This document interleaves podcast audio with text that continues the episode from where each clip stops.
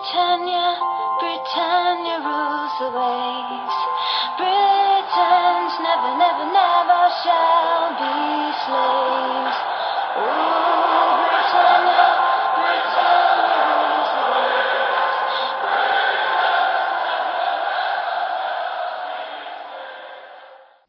Hej och välkommen till Svenska FBL-podden avsnitt 182. Nu är det äntligen igång och Eh, vi ska såklart plocka ner Game Week 1 men kanske framförallt blicka framåt mot Game Week 2 och de val vi står inför. För egen del tycker jag det är väldigt skönt med all ångest som man har suttit med där man har spenderat alldeles för många timmar på ja, men spela val och det är helt plötsligt 15 gubbar man ska fundera på. Nu kanske det är ett eller två byten eller om man ska hålla det som, som man ska fokusera på. Men man har spenderat timmar om vilken 4,5 anfallare man ska välja och det är helt borta just nu. Snart kommer vi ha ett wildcard här men där är vi inte riktigt än. Vi spelar in onsdagen den 10 augusti och agendan för dagens avsnitt är att vi ska kika in i våra byggen, eh, hur det har sett ut i Game Week 1. Här kommer vi stanna till lite längre än vanligt. Vi kommer gå igenom våra byggen. Vart ligger vi tankemässigt? Vi har ju som ni har förstått efter senaste avsnitt ganska lika lag, så många spelare som är likadana. Har vi samma syn kring de spelarna? Vart är våra problem eller är vi ganska nöjda med hur allt ser ut? Vi kommer gå till veckans punkt då vi fokuserar på spelare som byts in och ut väldigt mycket och då fokuserar vi på spelare som vi kanske inte har pratat om när vi pratar våra byggen utan då får vi med lite fler. Vi kommer komma med rekommendationer, eh, försvarare, mittfältare och anfallare likt vi har gjort tidigare säsong. Och vi kommer ha en kaptensdiskussion inför Game Week 2. Avslutningsvis så tar vi era lyssnarfrågor. Och eh, jag är glad att vi är fulltaliga här. Hur är läget Stefan, du som fick börja med en vinst som Arsenal-supporter? Ja, det är väl eh, ingenting man kan klaga på. Tre pinnar på Sellers Park och eh, ja, men spöar ju både, båda er här Game Week 1 även om det, det bara är tre pinnar. Så eh, tar man en tidig ledning i podden här. Eh, nej, men det är fint. Det, det är bra att det är igång. Eh, ser fram emot helgen. Eh, lite så. Ja, verkligen. Fredrik, eh, hur är, det, hur är det med dig? Har du samlat dig och liksom fått lite ro i dina tankar kring ditt kära Liverpool som eh, tappar poäng mot en nykomling i, i Game Week 1?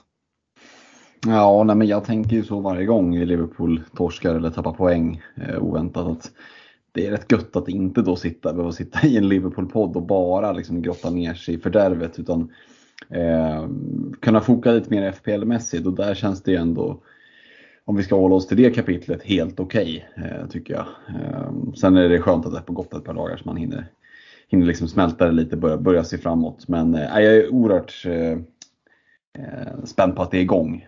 och det här är min sista semestervecka och ändå som på något sätt längtar man till helgen. Då, då fattar man ju hur sjukt det är. man vill att Game Week 2 ska komma. Ja, verkligen och allra värst supportermässigt har jag det som United-supporter får man nog ändå konstatera. Um, ja, Fredrik, vi, innan vi hoppar in i allting, eh, Patreon rullar på som, som aldrig full, förr. Eh, stort, stort tack till, till alla våra Patreons eh, och om du inte redan är det men vill bli det så blir du det via patreon.com snedstreck svenska FPL. Ni stöttar oss med 25, 35 eller 50 kronor i månaden. Och eh, Fredrik, just nu så slår vi ett rejält slag för vår Discord-kanal, eller hur? Ja men vi gör ju det, för det är ju där vi kan ha eh, livesändningar. Det blir lite som vi sa det i senaste Discord-sändningen, att det blir lite som att liksom kunna crasha en livepodd och bara kunna kliva in och ställa frågor och sådär. Eh, vi, vi nämner ju ofta vår Messenger-tråd också. Nu är det så att Messenger har vi upptäckt har en begränsning om 250 personer i en tråd. Och med tanke på att eh, antalet patrons har bara stuckit iväg så är det fullt just nu. Det är lapp på luckan.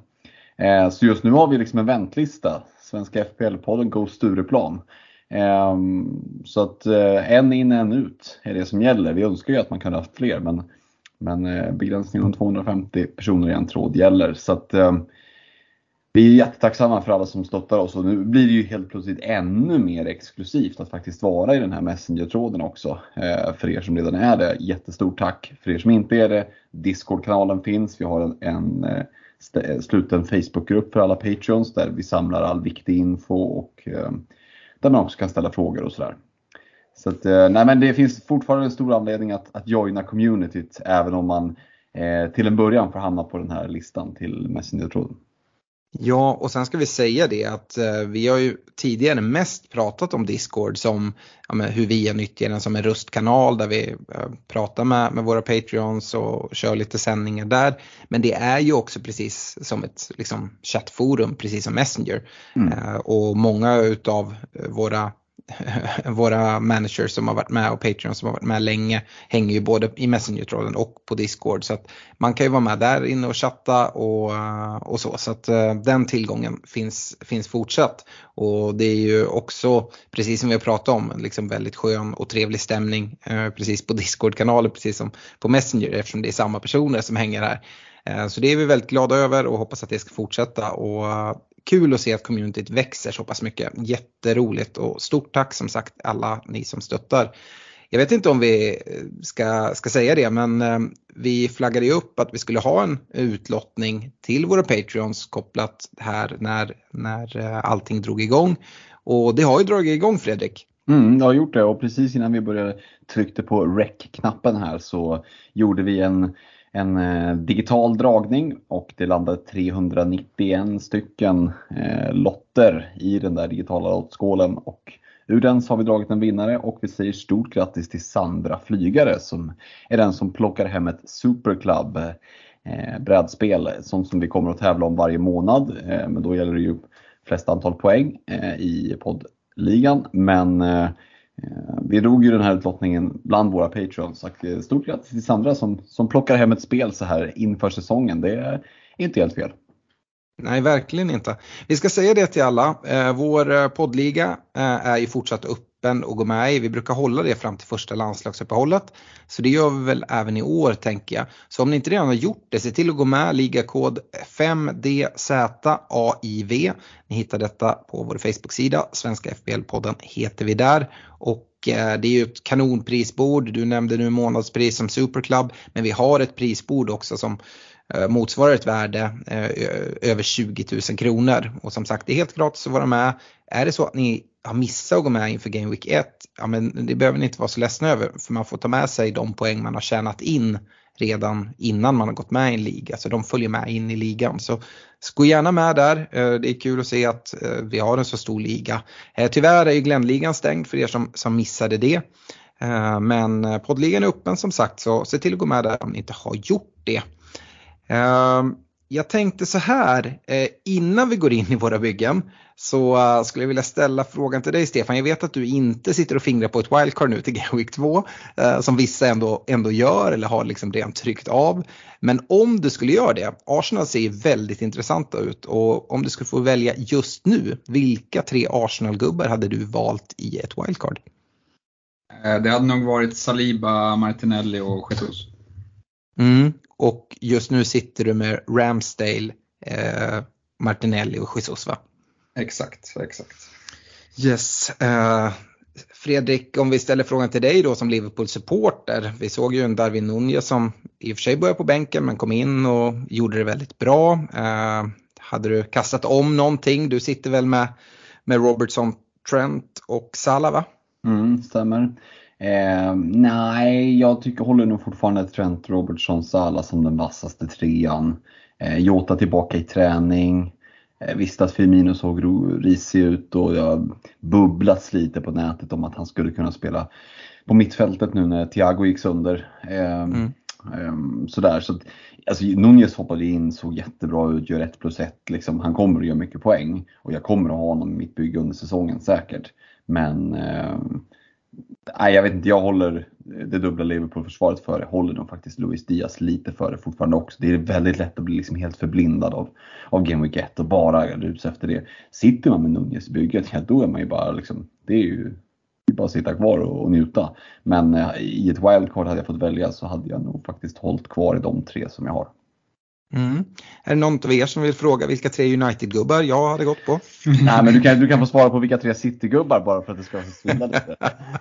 ja. Okay. I City blir det ju väldigt speciellt. Om jag börjar med United så hade jag inte hoppat på någon i ett wildcard. Och jag är väldigt glad att jag inte sitter med någon United-spelare i mitt bygge som det är. Eh, men City så är det, handlar det mycket om, om budget. Ehm, att bara säga tre citygubbar och säga att ja, men jag gillar KDB såg fin ut, Håland ser bra ut, Cancelo. Men, men det känns inte riktigt rimligt. Ehm, jag vet inte riktigt hur det hade sett ut. Håland hade ju absolut varit där.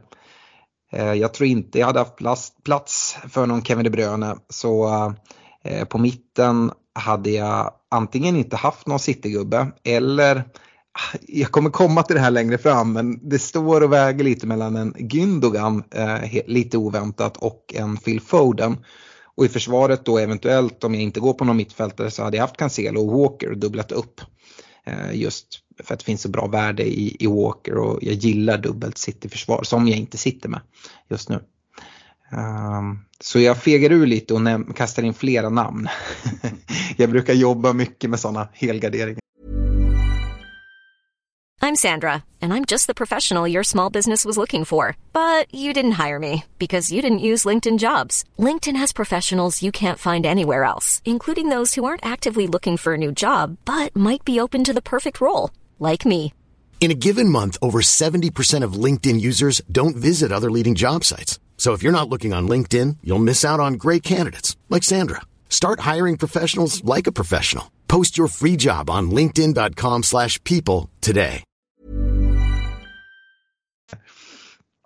Eh, som sagt, vi ska prata mer både Foden och Gündogan här längre fram.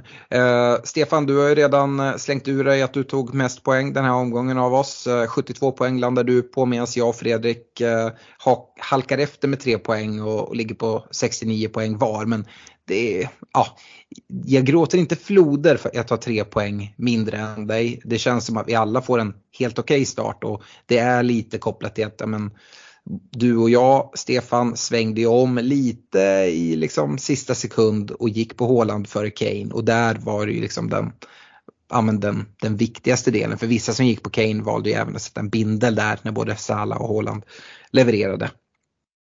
Ja, nej, eh, så var det absolut. Eh, jag, jag, jag, är nöjd med starten men det är liksom inte på något sätt, det finns de som har haft bättre starter och sämre starter men, men nu är vi igång och ja, det är bara att jobba härifrån.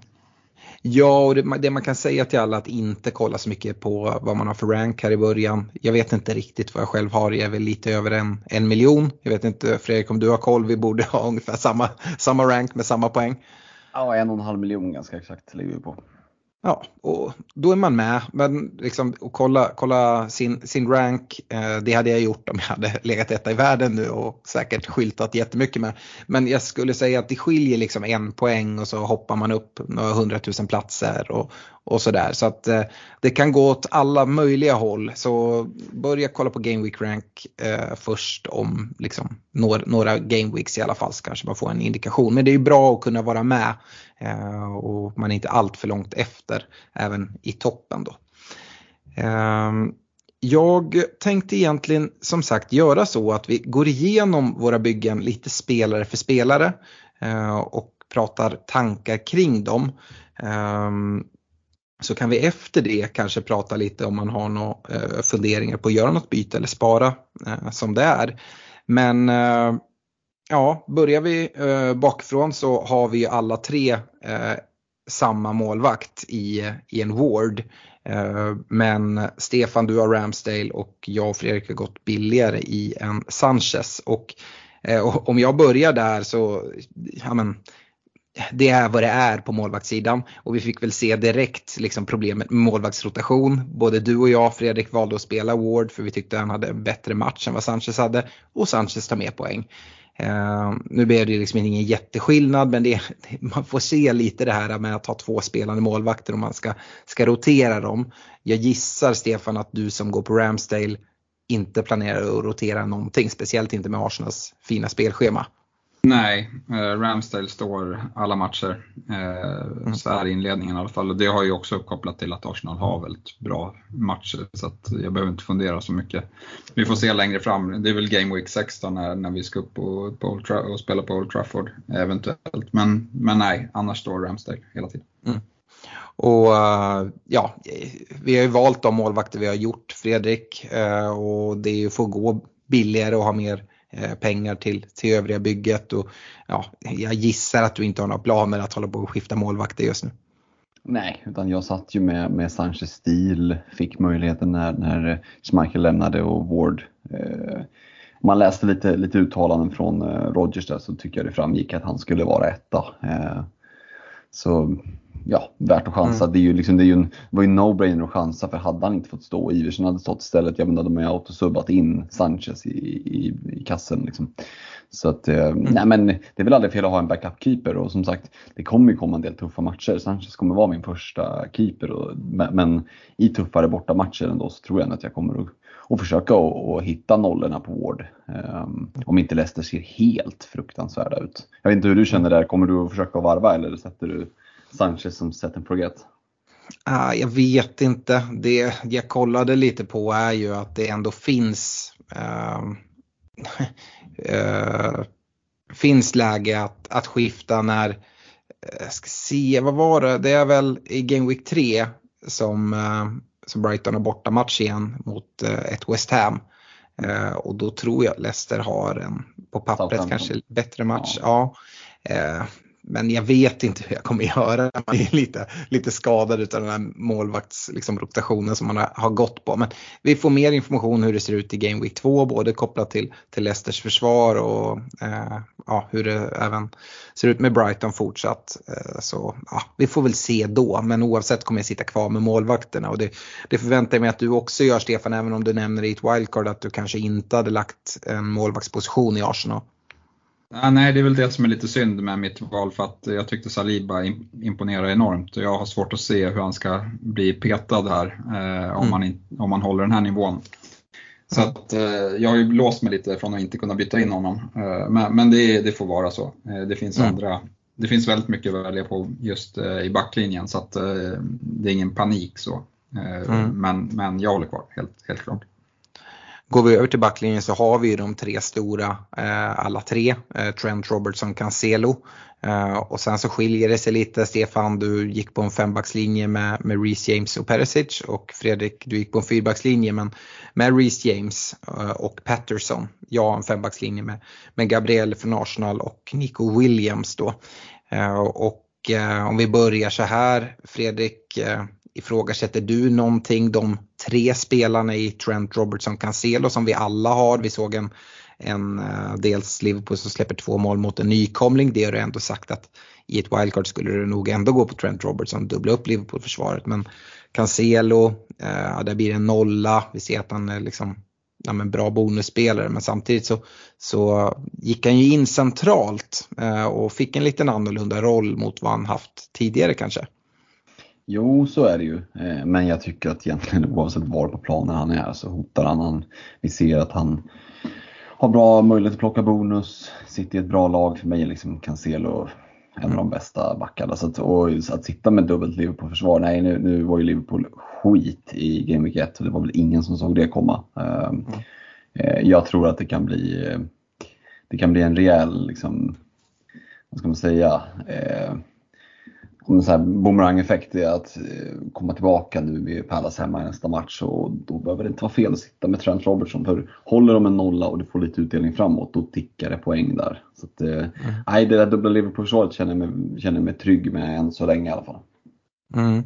Eh, jag gör det också. Eh, alltså Trent Robertson Cancelo känner mig jättenöjd. Det enda som är, jag skulle vilja ha in en till, en till eh, City-försvarare. Det pratar jag mycket om här i, inför avsnitten. Stefan, jag gissar att du också är ganska nöjd med de tre gubbarna.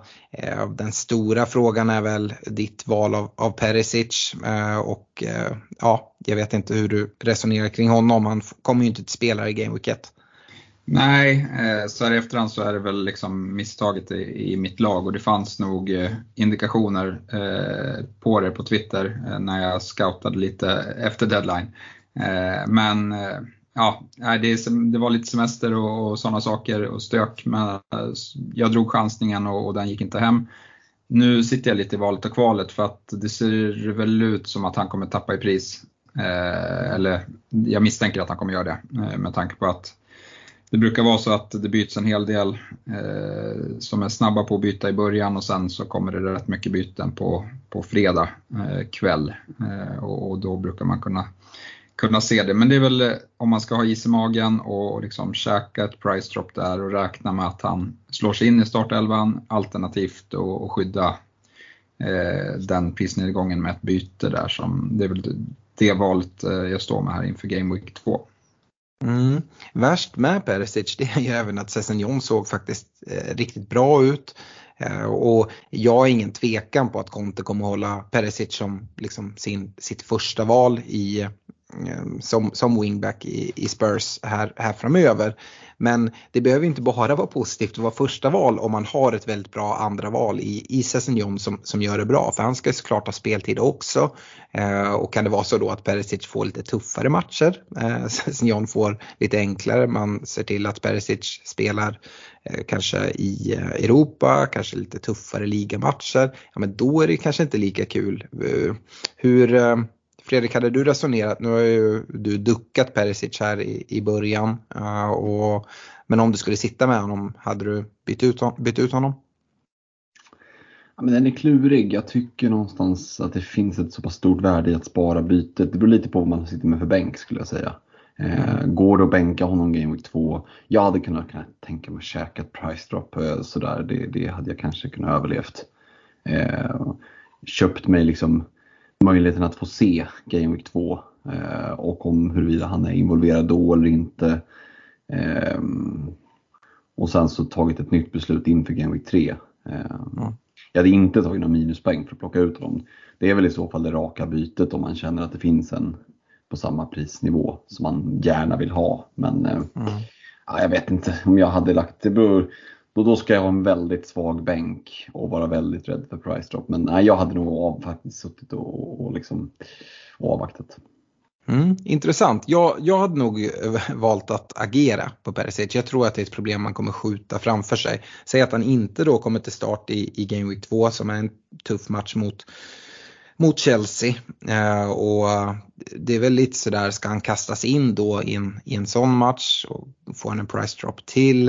Eh, just att gå till en annan 5,5 mittfält, eller försvarare tror jag inte är så troligt för att det finns inte så mycket intresse där. Så man kan ju gå ner till en 5,0 eller 4,5 men det är fortfarande att tappa de här pengarna som är ganska surt och kanske bara ett byte framöver och, och göra. Jag tror man behöver ställa sig frågan hur, hur reagerar jag om man inte spelar i Game Week 2? Uh, och så sitter man med osäkerheten inför Game Week 3. Ehm, ja, jag, jag, jag lockas ju så mycket av att få en, en dubbel liksom City-defensiv och då plocka in en Walker mot, mot Bournemouth nu som kommer uh, där det känns som en nolla är ganska trolig och fint schema. Ja, men det hade lockat mig, hade man haft en ledig uh, liksom Arsenal-plats och gå, gå ner till en Saliba hade det lockat. Stefan, hur, hur tänker du? Du har ju valt ett fembacksystem. Är det någonting som lockar att liksom gå ner från Perisic till liksom en 4,0 och liksom gå riktigt billigt? Eller hur har du tänkt om du nu ska göra skiftet?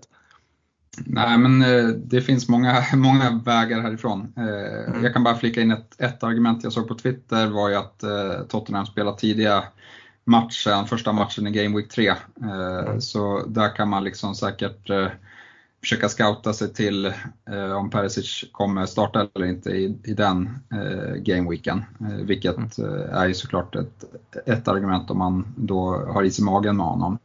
Mm. Men annars så är det väl en spelare som inte jag trodde skulle starta i Game Week 1 var väl kanske Chilwell. Eh, men som gjorde det. Nu gjorde han mål också men i övrigt så såg han väl inte liksom svin bra ut. Men, men det är ändå någon som, jag, som skulle kunna finnas intresse av eh, att gå för ändå eh, till Game Week 3.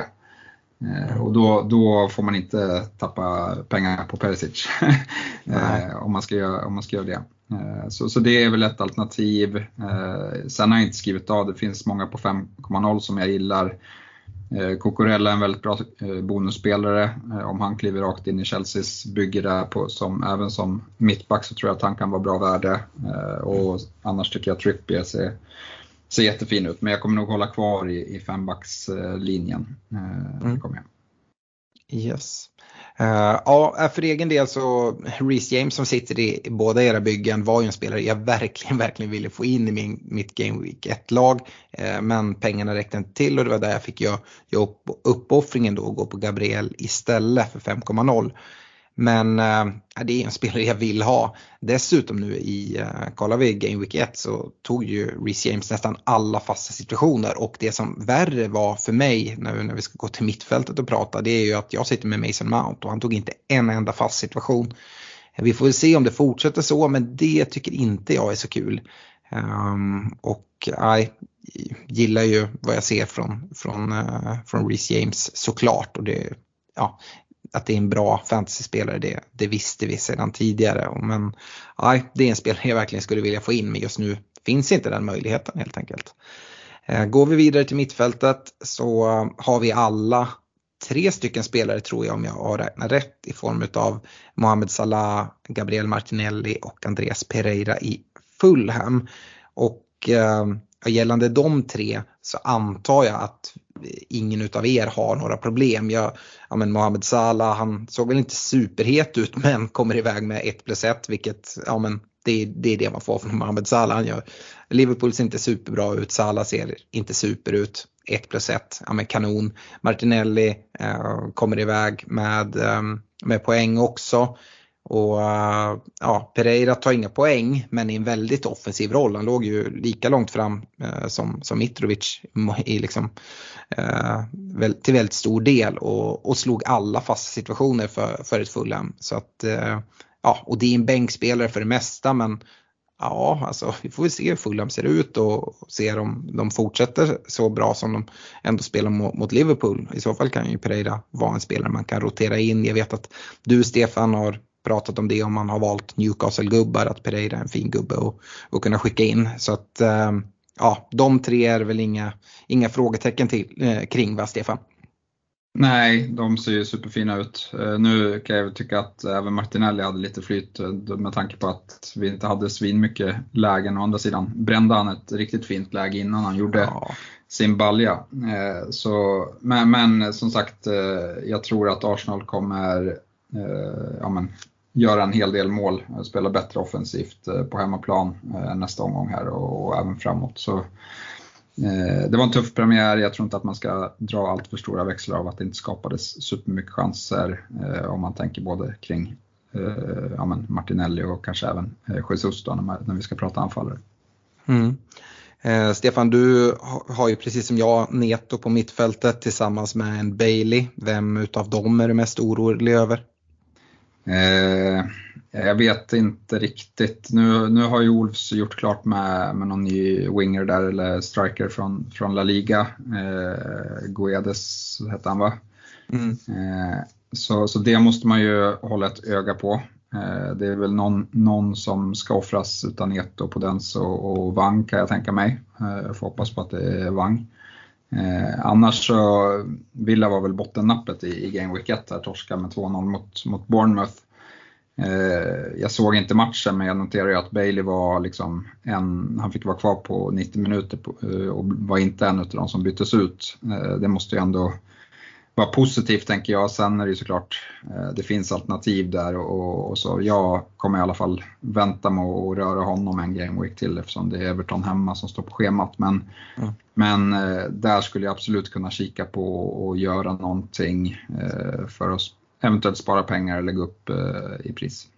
Mm.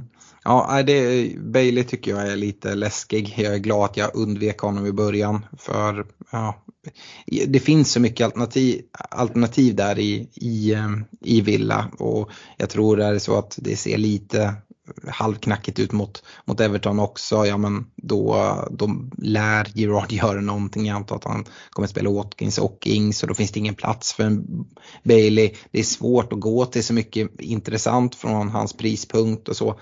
Eh, Neto, du, du pratar om, om hans eh, omvärvningen som, som Wolves har gjort eh, och han eh, tycker väl om att utgå från vänsterkanten där, där Neto spelade nu sist. Eh, men jag håller ju Neto som den bästa utav de tre där fram i, i Wolves och nyförvärvet kan även gå centralt.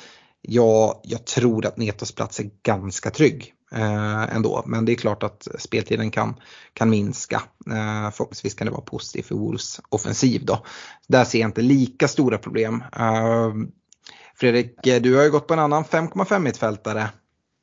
Ja, men jag valde ju att joina eh, sekten, Aronson-sekten som uppstod i Messenger-tråden bland våra Patreons. Eh, vet inte riktigt, så här, patient noll är svår att identifiera vem det var som lyfte in honom men eh, han kom ju, så, liksom, skett väldigt mycket i skymundan skulle jag säga. Också det är jag som inte följer lite tillräckligt mycket men 300 miljoner ändå, ett ganska hypat nyförvärv i elitkretsar. Eh, nu har jag bara sett highlights från matchen men han är ju fyller på mycket in i boxen. Vi ser det självmålet som Ait Nouri gör som Aronsson stod eh, som listad för från början. Han hade ju gjort det målet om inte Ait Nouri hade slagit in den själv. Så att, eh, jag gillade vad jag såg på highlightsen från Aronsson. Så att, eh, eh, det här kan bli, det kan bli bra, det kan bli ett riktigt genombrott. Blir det inte det, nej, men då, då får man väl se till att, att byta honom. Men jag ser ingen anledning att lämna honom bara för att han blankade i, i Game Week 1. Utan han, eh, ja, det, såg, det såg bra ut. Mm, han tog ju dessutom en del fasta situationer i Leeds, mm. uh, vilket är spännande. Och uh, som icke-ägare så kan jag ju inte låta bli att säga att jag firade ganska mycket när jag såg alla liksom blev helt bananas i Messenger-tråden kring att han, han, han gjorde mål och sen togs det bort och så ja men nu får han väl assisten i alla fall. Nej det fick han inte heller. Nej, okay. Nej, det, var... nej, det, var, det var ganska kul som icke-ägare men jag förstår hur, hur det måste kännas som, som ägare. Vi har alla varit där som har spelat i, i några säsonger. Ja men det, det, är, det är, små marginaler och, och ibland får man emot sig och nästa gång får man det med sig. Ja, men det är som du säger, där är det absolut ingen panik att liksom skifta ut Leeds har fint spelschema. Och, ja, men jag tyckte Bamford såg rätt spännande ut eh, i, i Leeds och det är ju positivt för, för andra offensiva Leeds-gubbar att det finns liksom ja, att det ser positivt ut offensivt. Så ja, eh, det kan vi ta med oss. Eh, I övrigt så sitter du med, med Grealish också. Eh, Fredrik, vad är tanken där? Um, tror du att han kommer få fortsatt förtroende? Ska du, har du listat ut rouletten? Nej, jag avstår från ens chansa men eh, han fick 90 minuter när det gjordes. Jag tror ju Pep gjorde fem byten där i slutet. Det är ganska o... Det får man stå för första gången det händer. Eh, så fick Ryders vara kvar på plan. Eh, det var lite anmärkningsvärt att han fick spela 90 minuter. Foden startar istället. Alltså jag håller Foden högre men han kostar också en miljon mer. Eh, så har man som jag valt att gå på Grealish så tycker jag att man sitter lugnt i båten. Eh, visst, han såg inte helt bländande ut men han spelar i ett bra lag. De ska möta ett ganska mycket sämre lag nu. Får han bara starten, i värsta fall ett inhopp på 30 minuter, då kan det hända grejer. Så att, eh, jag vet inte hur länge jag kommer att sitta kvar med honom. Det kan bli länge, det kan bli någon Game Week till eh, beroende på om han samlar på sig lite byten. Det beror helt på hur det ser ut här i Game Week 2. Men eh, nog för att han bara tar tre poäng i Game Week 1. Men det finns ju i, än så länge ingen anledning till panik. Mm. Jag är ju den enda utav oss tre som har valt att gå på en 8,0 mittfältare. Jag Valde att gå på Mason Mount och mm, det är lite surt sådär. Det är väl det enda som jag ångrar, såklart med facit i hand. Ehm, jag eh, switchade ju runt. Först satt jag med Diaz länge och hade inte Robertson där bak. Då hade jag i och för sig Reece James. Ehm, men det var jag ganska klar på att jag inte skulle göra och anledningen till det var att jag vill ha rörlighet på min 8,0 mittfältare och jag vill sitta trippelt Liverpool. Hade jag gått på Diaz då hade jag nog inte um, velat flytta ut honom. Uh, och jag vill kunna attackera Game Week 2 med en City-mittfältare om det var någon som såg väldigt fin ut.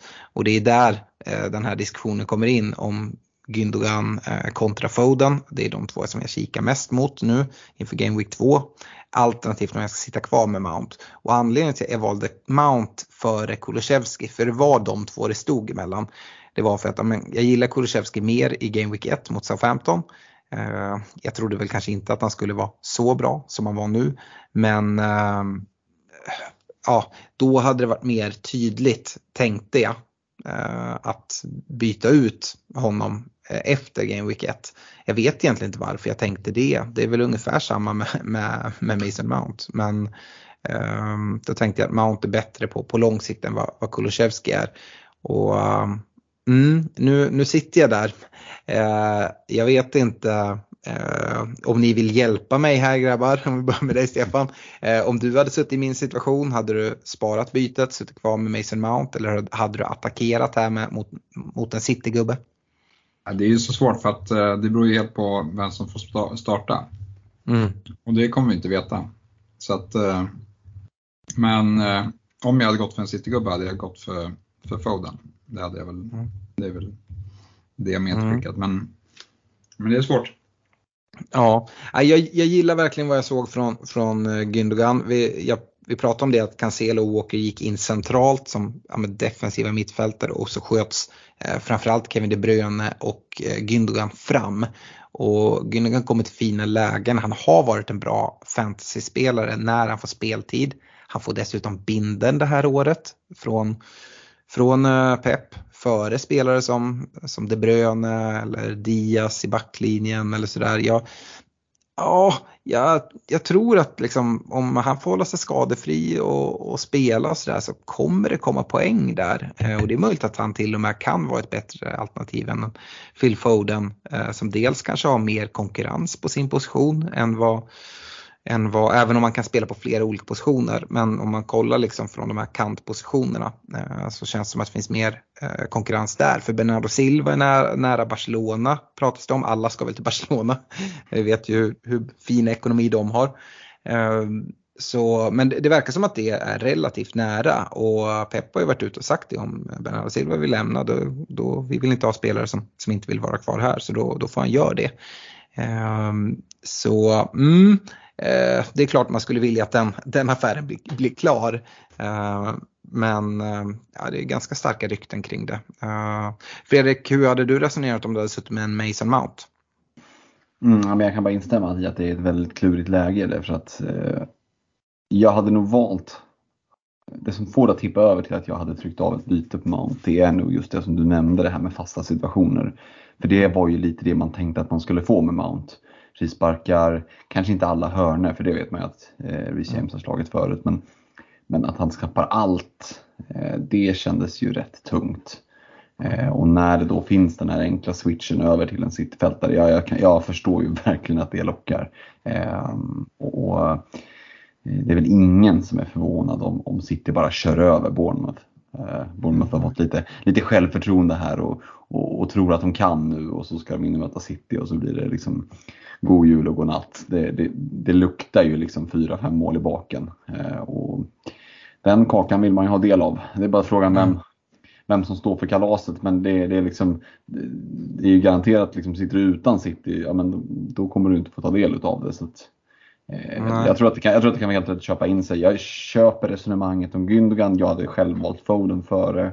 Men eh, mm. i alla fall på kort sikt. På, hade det varit liksom lite mer vanlig säsong på lång sikt, ja, men, eller om vi hamnar i ett läge men låt säga efter jul och när VM och allt det är klart, januari, februari börjar ticka igång och man liksom börjar kika. Men då, skulle, då och vi liksom är i ungefär samma motsvarande läge, då tycker jag definitivt att Gundogan kan vara ett alternativ lite mer långsiktigt så.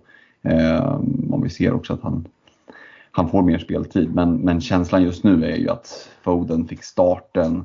Eh, jag, jag håller Foden snäppet högre. Mm, ja, jag, jag håller Gündogan högre, eh, men jag håller eh, starten på Foden som troligare. Eh, och det, vi fick se att Foden utgick från höger här. Eh, det är väl inte den position som man kanske först tänker på. Man har ju sagt det att ja, men Mares verkar ha ganska lite konkurrens på sin kant. Alla trodde han skulle få starta. Eh, sen har vi sett att dels nyförvärvet Alvarez eh, har hoppat in eh, istället för Mares ute till höger och nu även då att eh, Foden kan nyttjas även ute till höger.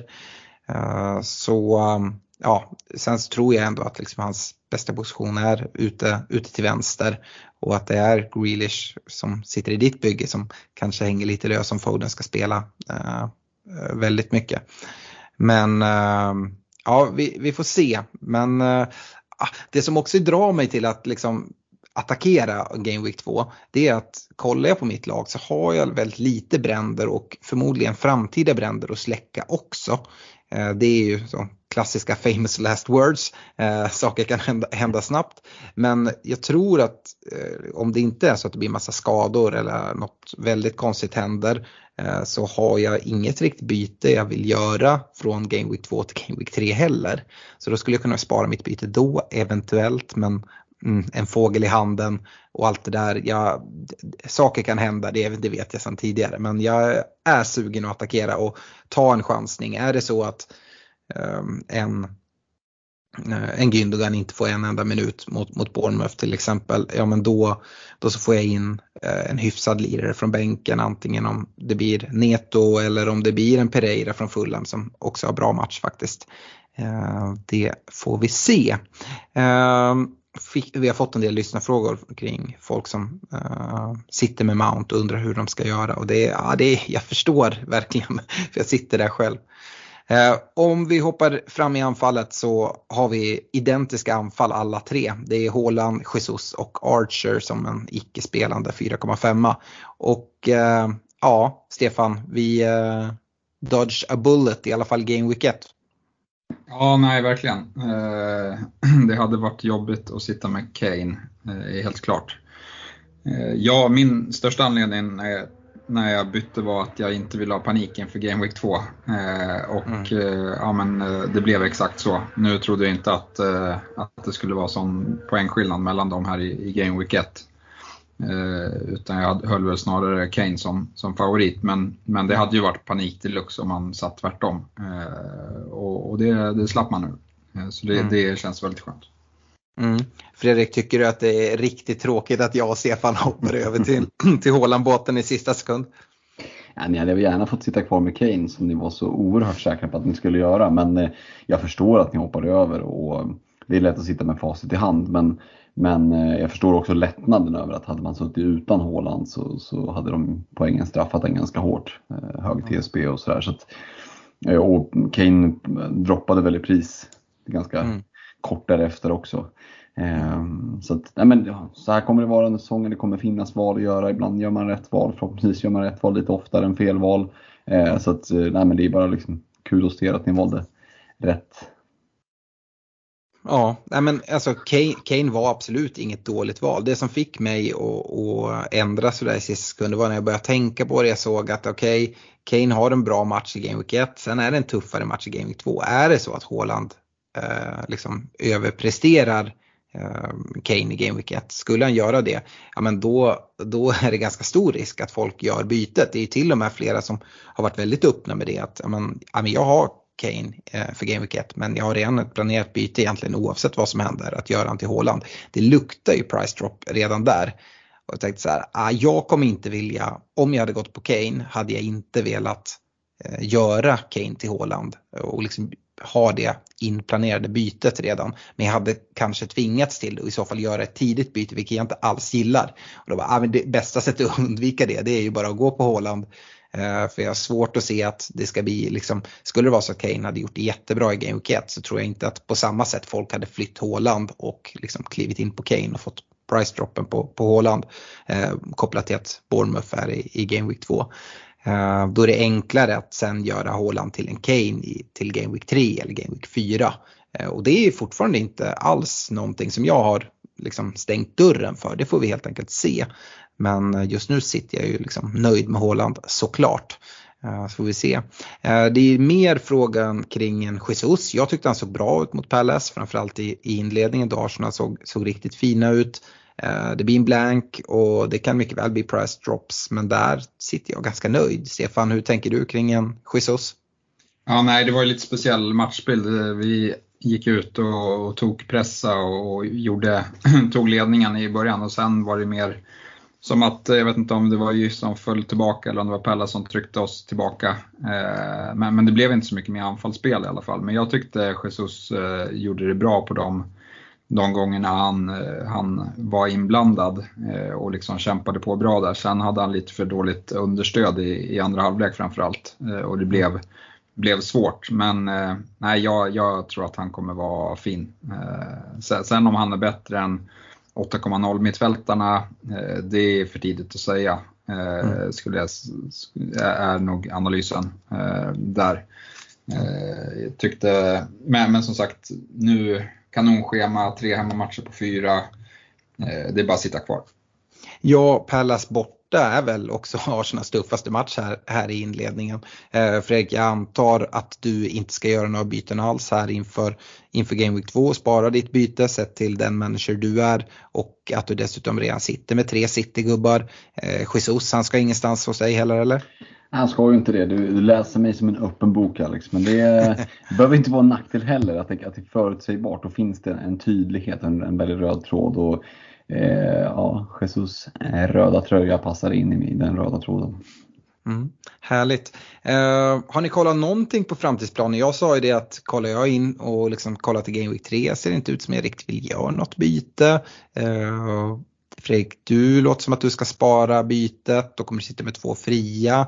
Eh, vart är det troligast att du gör något eller är det bara helt liksom öppet och att problemen kommer att komma eller? ja, de kommer att komma är väl ganska givet. Sen eh, exakt vad som ska göras där eh, eventuellt då inför Game Week 3. Det är inte riktigt bestämt än, men jag gillar ju ändå tanken på att sitta på två fria. Och, då också liksom slänga med det här tipset framförallt till de som inte är så erfarna managers som inte har spelat så många säsonger. Att bara för att du samlar på dig två byten så innebär inte att du måste nyttja båda bytena. Du, kan nyttja ett av dem och bara fortsätta putta ett framför dig. Du kan ju aldrig samla på dig mer än två sparade byten men du kan liksom ha två sparade, använda ett och så har du två sparade veckan därpå också.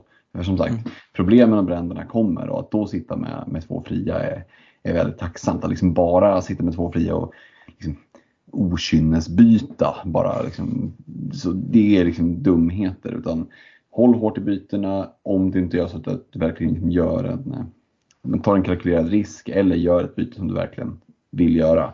Eh, så att i dagsläget, när jag känner mig ganska nöjd med mitt bygge, apropå famous last words.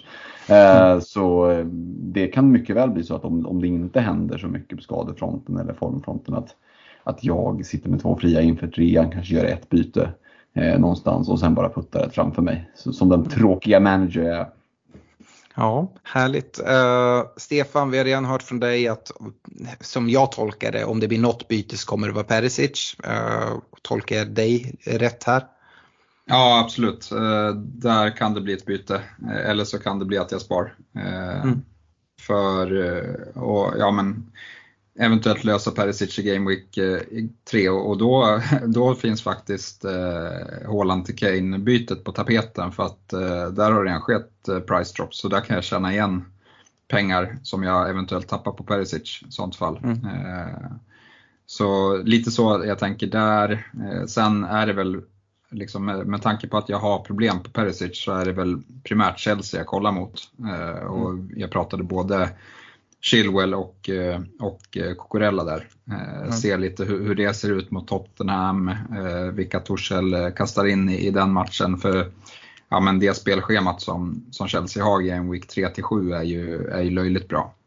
Så att mm. där, där är jag intresserad, helt klart. Mm. Det är exakt det som talar emot att byta ut Mount också. Eh, det är verkligen invägt också i det här beslutet. Så att, ja, vi får se vad som händer, för mig. Jag har inte bestämt mig men uh, är lite sugen att attackera med, med Gündogan.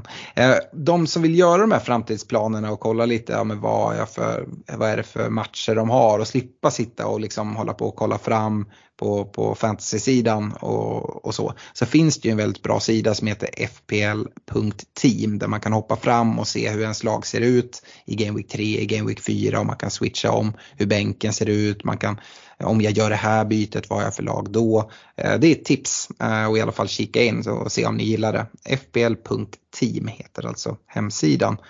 Ehm, så, nu stannar vi väldigt länge vid våra byggen, det brukar vi inte göra men jag tyckte att det ändå fanns eh, intresse för andra än oss att prata eh, de här byggena eftersom att många av de här spelarna redan sitter i, i andra lag också. Vi har gått väldigt template eh, alla tre, även om vi inte har likadana lag så är det spelare som sitter i många lag. Um, så uh, innan vi går vidare till, till veckans punkt uh, och kollar på spelare som byts in uh, och ut mycket Uh, utöver de vi redan har pratat om så ska vi rikta ett stort tack till våra partners som ser till att vi har så fint prisbord i vår poddliga. Uh, Olka Sportresor, Nakata.se, Unisportstore.se, Superclub, Netshirt och Glenn Sportsbar och uh, Fredrik uh, Unisport, ni nämnde det i, i uh, förra veckans avsnitt att de eller det kanske ni inte gjorde? Jo. Nämnde ni något om Unisport? Jo? Jajamän, jo men vi, vi har puttat ut att eh, Unisport Store eh, ger 20% eh, mm. på ett köp. På köp över 500 kronor. Så att, eh, all info om det erbjudandet finns på vår Facebook-sida. Så det är ju liksom nu när säsongen är igång, tröjorna börjar släppas eller någonting annat för den delen. Om man, man kanske är en sån som samlar på shorts, vad vet jag. Men eh, fotbollströjor ligger mig lite varmare om hjärtat. Så att, eh, eh de hittar ni ju på unisportstore.se. 20% rabatt, det är bara att hugga. Ja, och nakata.se vill inte vara sämre, eller hur? Nej, men de sa ju det, jag pratade med Olof, att det är klart vi måste haka på. Så vi kör 20% på nakata.se för svenska FPL-poddens lyssnare också. Eh, så att, eh, ja, det är jättekul att våra, eh, att våra partners liksom är med och, och ja, men, ger bra erbjudanden till alla våra lyssnare. Mm. Ja, jättekul, stort tack där. Eh, nu tänkte jag att vi skulle gå vidare med veckans punkt och då lägga fokus som sagt på spelare som har bytts en hel del. Och innan vi pratar om det, vi, när vi har gått igenom våra byggen så har jag sagt att det är väldigt värt att ha liksom, två fria byten framöver. Eh, men det tycker ju inte alla managers eh, och det, det visste vi att det kommer bytas väldigt mycket här i början. Eh, men den klassiska frågan som man ska ställa sig, man har lagt liksom timmar på, eller de allra flesta har ju gjort det i alla fall som lyssnar på den här podden, eh, för sitt lag inför Game Week 1. Och nu har vi inte jättemycket information, vi har sett 90 minuter från, från samtliga lag, eh, inte så mycket mer. Och egentligen, vad har verkligen ändrats sedan Game Week 1? Uh, eh, Stefan, har du något så här tydligt som du tycker att amen, det här har ju, det hade vi ingen aning om innan och nu, nu måste vi agera på det? Nej, egentligen inte. Uh, jag tycker det var väldigt uh, intetsägande. Det är klart att man blev lite förvånad över Liverpools liksom 2-2 där. Eh, men, men vi visste ju att, samtidigt att Mitrovic eh, ja, är en väldigt farlig spelare. Det visade han ju i Championship i fjol när han slog alla tiders målrekord. Så att han kunde ju mål, det var ju inget nytt egentligen. Nej. Eh, och nej, jag vet inte. det är väl, ja, ja nej. Nej, det, det, det, är väl det, vi har varit inne på det. Jesus byts ut, det handlar ju om att det finns andra anfallare som, som gör, gör det bra. Mitrovic nämner du. Jag var inne på det att eh, det är inte säkert att Fulham kommer liksom, vräka in mål i, i Premier League. Men jag har ju min liksom, tes i att jag tror att Mitrovic kommer vara inblandad i ungefär 50% av Fulhams mål när vi summerar säsongen. Hittills har han varit inblandad i 100%. Det kommer han inte hålla. Eh, men eh, straffskytt, vilket vi såg mot Liverpool då. Och eh, alltså, det kommer komma mål från, från Mitrovic och kan absolut bli intressant. Men jag tycker inte det är läge att byta ut Jesus som vi har varit inne på. Vi ser även en Darwin Nunez Ja, eh, det var lite som vi var inne på att han kan mycket väl börja bänk. Det, det gör han. Vilket då kanske bekräftar att det var bra att inte starta med han i Game Week 1. Sen kommer han in och gör det bra och det är väl stor favorit på att han ska starta här till Game Week 2. Um, ehm, men alltså bytena är värdefulla och ska man gå från Jesus till en Darwin Nunez, ja men då innebär det minuspoäng. Uh, för de allra flesta, det är väldigt få som har 1,0 i banken. Eh, men vi ser även en Callum Wilson gör mål, ja, men då kan man gå från Jesus till honom. Men det blir lite att jaga poängen tycker jag. Så att, eh, nej, Jesus tycker i alla fall inte jag vi ska byta, byta ut. Eh, vi har pratat en del liksom Kane vs Haaland men då vi alla har valt Haaland så har vi inte gått in på diskussionen hur ni hade agerat om ni hade gått på Kane. Fredrik, du har ju suttit på Haaland hela tiden. Mm. Så det blir ju kanske lite svårt att sätta sig in i. Men Ja, hur, eh, hur hade du tänkt? Det är ju ganska många människor som, som sitter med Kane och ja, som undrar liksom, hur ska jag göra nu? De som inte gjorde det här bytet direkt innan price-droppen eh, och man inte har pengar på banken. Är det värt en minus 4 för att plocka in Håland för man är livrädd för den här mot Bournemouth Game Week 2? Hur hade du resonerat? Ja, det är ju så. Har man tänkt göra bytet så är det väldigt surt om man missade eh, liksom, fönstret som fanns innan han, innan Kane droppade i pris. Eh, och jag håller med dig om att göra sådär sjukt tidiga byten, det är jag ju liksom definitivt ingen fan av. Men jag kan på något sätt ändå förstå de som tryckte av det bytet, för det var ju liksom en, en price drop to happen eh, för Kane. Eh, ta minus fyra? Nej, det hade jag nog inte gjort faktiskt. Då hade jag nog suttit kvar. Mm. Det som är det läskiga med det är ju att binden kommer ju sitta på Håland i så många byggen. Eh, och, då blir det väldigt jobbigt om han flyger mot Bournemouth. Men mm. Eh, det är ju, alltså, han, det kan ju också bli att han blankar och då sitta med en bindel på, på Sala till exempel. Som mm. ett Liverpool som är revanschsuget ska hem mot Crystal Palace. Så det, ja, det, det behöver inte vara fel. Så att, eh, jag hade nog, om jag inte hade lyckats liksom göra det raka bytet, eh, Kane mot Haaland, hade nog faktiskt suttit kvar i båten Kane. Mm. Men jag, hade, jag hade också lutat mot det och anledningen är att jag tror Alltså de som har gått på Kane, de måste ha haft med, eller jag hoppas verkligen att de har haft det resonemanget med. Att, men, uh, är det så att du har tänkt eh, redan inför Game Week 1. Men jag ska gå på Kane, attackera Game Week 1 och sen byter jag till Haaland. Men hade du den planen, då har du förmodligen gjort det innan liksom, prisändringarna, gjort tidigt byte. Du måste också haft med i, i liksom, din tanke att men, om det blir så här, vad gör jag då? Eh, och eh, har din plan då varit att men jag, jag ska sitta med Kane eh, och ska jag bindla förmodligen då Sala i, i Game Week 2. Ja, men då hade jag suttit kvar i den tanken. Att liksom, det, är, det är inte så mycket som har ändrats. Hade vi fått infon på förhand att Spurs kommer göra fyra mot Southampton och City kommer göra två och med den liksom försöka gissa vem som hade tagit mest poäng i Kane eller Haaland. Ja, men då hade i alla fall jag gissat på att Kane eh, hade tagit mer poäng eftersom han oftast är inblandad i alla, eh, liksom i väldigt stor del utav, av Spurs mål. Den här gången så är han inte det. Men eh, ja, att, att Spurs gör fyra mål det är knappast negativt för, för Kane eh, tror jag och det är absolut inget dåligt val. Stefan, du har ju varit inne till och med på tidigare här i podden att, att eventuellt gå till en Kane äh, här i, i Game Week 3 eller Game Week 4 sådär. Um, hur hade du tänkt om du hade gått på det val som du ändå var inne på att, att äh, starta med Kane? Nej, då hade jag troligtvis haft panik efter Hålands eh, söndagsmatch och bytt. Eh, ja.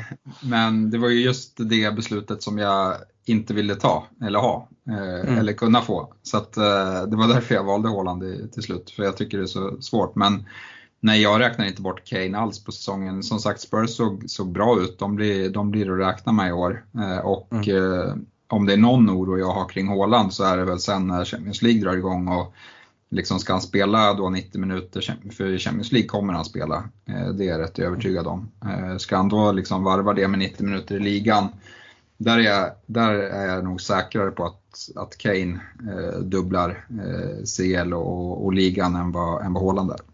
Mm.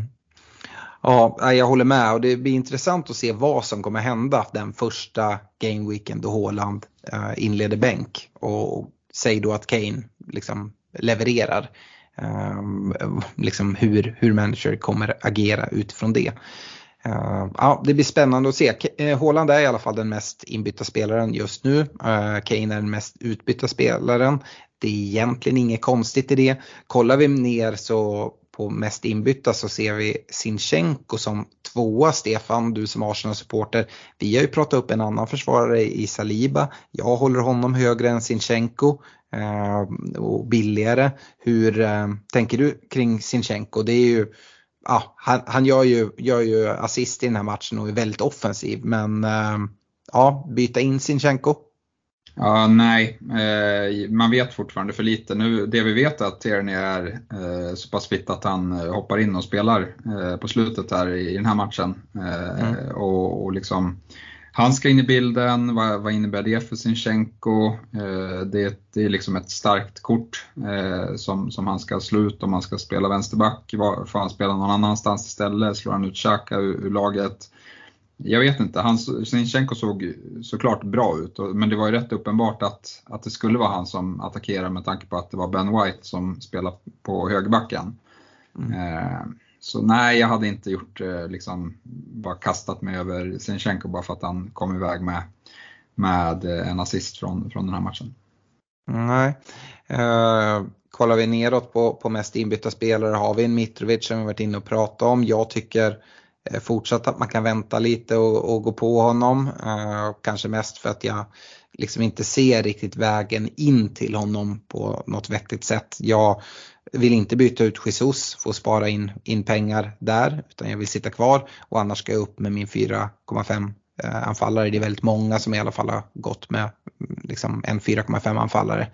Um, och det är lite lurigt, ehm, uh, då måste man ta minus och, och sådana saker. Jag tycker man kan avvakta och hålla ett öga på Mitrovic, absolut. Ehm, uh, Fredrik, sen hittar vi en Dejan Kulusevski som fjärde mest inbytt och han har ju fått mycket spott från, från din sida. Ja, så är det ju absolut. Eh, och han ska väl ha cred för att han presterar i Game Week 1, men jag tycker fortfarande att han är överprisad. Eh, nu är det Charlison tillbaka från sin avstängning. Såklart att Dejan liksom stärkte sina aktier hos Conte, men eh, han, kommer och, han kommer inte spela 90 minuter i, i många matcher, det tror jag inte. Eh, det finns alternativ och så fort han börjar liksom få en liten dipp då kommer han att petas. Eh, fine att man kunde, alltså, den som attackerade Spurs-offensiven inför Game Week 1 med Kane eller Kulusevski, den tänkte ju rätt eftersom de gör fyra mål. Eh, jag hade kanske gissat på att eh, poäng, eh, FPL-poängen hade varit de omvända mellan Kulusevski och Kane, men det blir ju inte alltid som man har tänkt sig. Ja, grattis till er som gick på Kulusevski, men jag vet för mig känns det bara som det är liksom ett, ja, ett byte som, som kommer att behöva göras förr eller senare. Um, och att han ska leverera liksom, den här typen av poäng vecka ut vecka in. Ja, alltså, han får jättegärna överbevisa mig men jag är, jag är inte säker eh, på det. Utan ah, det är grattis till en bra Game Week 1 men jag är fortfarande liksom inte så att jag sitter upp och ska trycka in honom i bygget och kan tycka att det blir lite att jaga sin egen svans. Jaga gårdagens poäng i att trycka in en Kulusevski nu faktiskt. Jag måste ju flika in att det är snällt att säga att Spurs gör fyra baljor när Salisu spelar i, i motståndarlaget. ja, jag vet inte vad som hände där. De nedtecknas för fyra mål framåt kanske. Ja. vad, vad, vad, säger du Stefan annars? Det låter inte som att eh, Fredrik är på väg in i bikten eller på väg att krypa till korset kring Kulusevski. Eh, hur, hur ser du på, på kulan? Nej, men som, som svensk så tycker jag att det är jätteroligt att han, att han fortsätter den här eh, succén från i fjol och, och liksom startar den här säsongen bra. Eh, mm. Men jag är lite inne på samma bana att eh, jag hade inte liksom sprungit för honom. Eh, sen om han visar att han fortsätter hålla uppe det här match efter match så, så är det klart att han kommer vara ett alternativ. Men, men jag vill se att, eh, att han presterar över en längre tid. Mm. Eh, den femte mest inbytta är Martinelli, han har vi pratat om. Jag förstår folk som byter in honom som inte gick på honom. Eh, Kollar vi på de som har bytts ut, ja men Kane har vi redan avhandlat. Eh, därefter är det Jesus, vilket vi alla är ganska överens om att man kanske inte ska göra.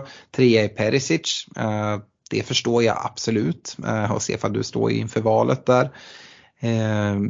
Sen så, sen så kommer Son faktiskt som ändå kommer iväg med poäng från, från Game Week 1. Men jag tror ungefär samma som, som Kane där att det var, var många som startade med Son för att attackera Game Week 1 för att sen switcha över till, till eventuellt Kevin De Bruyne eftersom de är prisad likadant. Och följer man sin plan där så tycker jag inte att det är fel. Ehm, det är som sagt, det kostar ett kostsamt byte men uh, behöver absolut inte vara fel. Och sen så som sista gubbe har vi en Matty Cash som är utbytt uh, av femte mest då. Uh, Fredrik har några liksom, insikter kring, kring de här som byts ut mycket. Nej men att Cash ligger med där uppe det har ju att göra med hans höga TSB såklart. Mm. Det var många som hade gått hit och, och med rätta förväntade sig mer av Villa. Eh, såg väldigt klena ut. Men i att de såg klena ut så tycker jag ändå, eh, nu har jag bara sett highlights från matchen, men att man ser att båda ytterbackarna eh, trycker på framåt. Så att får Gerard ordning på, på, liksom, på det där så tror jag att de kan leverera mycket poäng. Så att, eh, jag kan tycka att det är lite väl överilat oavsett om man sitter med, med Dign eller Cash och börjar byta ut dem nu. Alltså, man har fortfarande ett bra schema, ett par matcher till. Eh, andas lite lugnt och liksom det, kan mycket väl vara så att det svänger. Så här i början på säsongen kan det se skit ut i, i Game Week 1 och så ser någonting jättebra ut i Game Week 2 och så står man där helt liksom paraplex vad är det som händer. Så att, nej, jag, hade, jag hade suttit lugn i båten även om det såg, inte såg bra ut för Villa så hade jag suttit lugnt i båten med eh, en Villa-försvarare. Yes. Eh, med det så tycker jag vi går till våra rekommendationer och eh, för er som inte har varit med eh, tidigare så brukar vi göra som så att varje vecka så kommer vi med, med rekommendationer på att om man eh, ska byta just nu eh, och kolla på några veckor framåt. Uh, vilka spelare hade vi gått till? Vi brukar rekommendera tre försvarare var, tre mittfältare var och två anfallare var. Och vi pratar inte ihop oss innan vilka vi väljer, vilket kan vara att vi är väldigt lika. Och då betyder väl det att det kanske är lite starkare rekommendationer. Uh, och annars så får man uh, gå på lite olika känslor. och det är lite hur man, hur man har resonerat så där. Vi brukar låta ordet vara fritt. Men Fredrik, om vi börjar med dina försvarsrekommendationer. Eh, vilka tre letar sig in hos dig? Ja, men jag tänkte så här att eh, försöka hitta tre försvarare. Det finns ju mycket, vi var inne på det, mycket värde i försvaret och det, det är ganska lätt att bara trycka in tre premiumförsvarare och säga ta in de här tre. Eh, men jag förstår ju att folk sitter nu och, och känner att ah, jag måste liksom lösgöra pengar, jag kanske har bestämt mig för att ta en minusspruta och, och behöver liksom, har ju redan hållit på en price drop, behöver liksom minst 0,5 och sådär. Så jag har tänkt en premium, en någorlunda lower mid price och en eh, budget. Eh, och börjar vi med en, med en eh, premium så tycker jag att det är Reece James. Eh, vi var inne på det med att ta i princip alla fasta situationer i Chelsea. Eh, Fyller ju på framåt, ser fin ut. Chelsea med ett bra schema tycker Rich James är eh, 6,0 känns det liksom, ja, jag är väldigt tacksam med att sitta med i mitt bygge. Um, sen har jag en Louis Dunk som jag ju hade i en av mina drafts där som vi luftade i inför avsnitten och nu har Brighton ställt av sin eh, ganska tuffa premiärmatch ändå, United borta. Har ett väldigt fint schema och Dunk är ju generalen där bak kan hota på framåt på fasta. Tycker ändå att det såg bra ut. Man har pratat mycket om att Brighton har tappat nu Kukureya och, och eh, Bissoma och sådär. Men, men på något sätt får Potter ihop det där. Jag tror att han har haft en plan för att vilka som ska lämna. Och, ja, jag tror att Brighton kan göra det helt okej. Okay, eh, men liksom bakåt eh, i år också. Eh, så att eh, Louis Dunk för 4,5 skulle kunna vara räddningsplanka för dem som vill lämna ett sjunkande skepp. Eh, och så vill jag slänga med en eh, Nathan Patterson i Everton eh, för 4,0. För den som behöver casha in ordentligt med pengar. Fick spela, jag har gjort det ändå, gjorde det ändå helt okej okay i premiären tycker jag. Och jag tror att Seamus Coleman får det svårt att ta tillbaka sin plats. Och ytterback, nästan lite wingback-aktig. Ja, Patterson för 4,0 om det är så att man inte vill ha en Nico Williams eller kanske redan sitter på honom beroende på hur man spelar. Skulle kunna vara en, eh, en väg in. Ganska låg TSB 4,5 så det liksom finns inget den risken för price drop. Så att eh, Reece James, Louis Dunk och Nathan Patterson hamnar i mina försvarsrekare. Mm. För egen del så har jag också tänkt lite som du att jag vill kolla i lite olika prisnivåer så jag har valt tre olika prisnivåer. Inte riktigt samma som dig, jag är ingen 4,0 försvarare. Men jag har precis som du Reece James med. Och det är, du, du nämner mycket av anledningarna, en ytterligare anledning är att jag inte har honom och verkligen, verkligen ville ha honom till Game Week 1 och ja, det är inte så jag vill ha honom mindre nu. Sen så, jag har inte möjlighet att gå dit som det är just nu eh, med min struktur. Och det får vara så. Och det kanske inte är superviktigt att byta innan till Game Week 2 heller. När de ska möta ett Spurs som gjorde fyra i premiären. I och för sig mot ett Southampton och precis som Stefan säger så gjorde de faktiskt tre. Eh, för det fjärde målet fick de helt gratis. Eh, men ja, jag tycker Reece James är jättefin och det finns så mycket värde och en spelare man kan hålla i handen i stort sett hela säsongen förmodligen. Uh, går vi ner till 5,0 har jag redan nämnt hans namn. Uh, Kyle Walker i City. Uh, saknar konkurrens. Uh, Cancelo sitter redan i många byggen. Jag tycker att uppdubbling i Cityförsvaret är absolut inte fel. Och då är Kyle Walker 5,0 rätt fin att kliva in på. Så han får en rek i den priskategorin och även på 4,5 har jag varit inne på det och jag skulle gissa att den reken även kommer finnas hos Stefan. Eh, Saliba i Arsenal eh, tyckte han såg väldigt bra ut och när Gabriel skakade lite i Arsenal-försvaret så, så räddade Saliba upp han flera gånger och ja, men verkar vara en riktigt bra bonusspelare också vilket eh, är väldigt fint på försvarsspelarna att eh, kunna liksom hova in bonuspoäng på. Så eh, ja, Reece James, eh, Kyle Walker och Saliba är mina försvarsrekar. Stefan, eh, är det så att vi hittar Saliba i, i din försvarsrek också eller? Jo, men han sitter kvar. Men här får vi nästan ha en diskussion om hur vi ska göra för annars skulle man bara sitta och reka Cancelo, Reece och Trent hela säsongen. eh, för de tycker jag ska vara i alla byggen. Eh, men men eh, får nämna några andra. Jag hade inte velat sitta utan Cancelo utav de tre eh, just nu. De andra två eh, hade, kunnat, eh, hade jag kunnat varit utan. och så, så, han, får, han får leta sig in. Sen om vi ska leta lite billigare så, så nämnde du redan Saliba. Eh, ja, men det liksom går över förväntan på hans debut. Eh, Sellers Park är en svår eh, arena att komma till och liksom göra sin Premier League-debut i den åldern på det sättet. Eh, han städade undan både när ja, men Sa tog sig förbi White och när Gabriel eh, höll på att fiffla så, så var ju han där och städade för båda dem. Eh, och, nej, det, det är sjukt. Eh, jag är väldigt spänd på att se eh, han under säsong här. Eh, men, men för 4,5 och bonusspelare, sen har vi inte sett om han har ett offensivt hot på, på fasta. Men, men liksom, han, han är lika, lika stor och, och ståtlig som, som Gabriel så potentiellt sett så borde han kunna vara bra på, på huvudet också.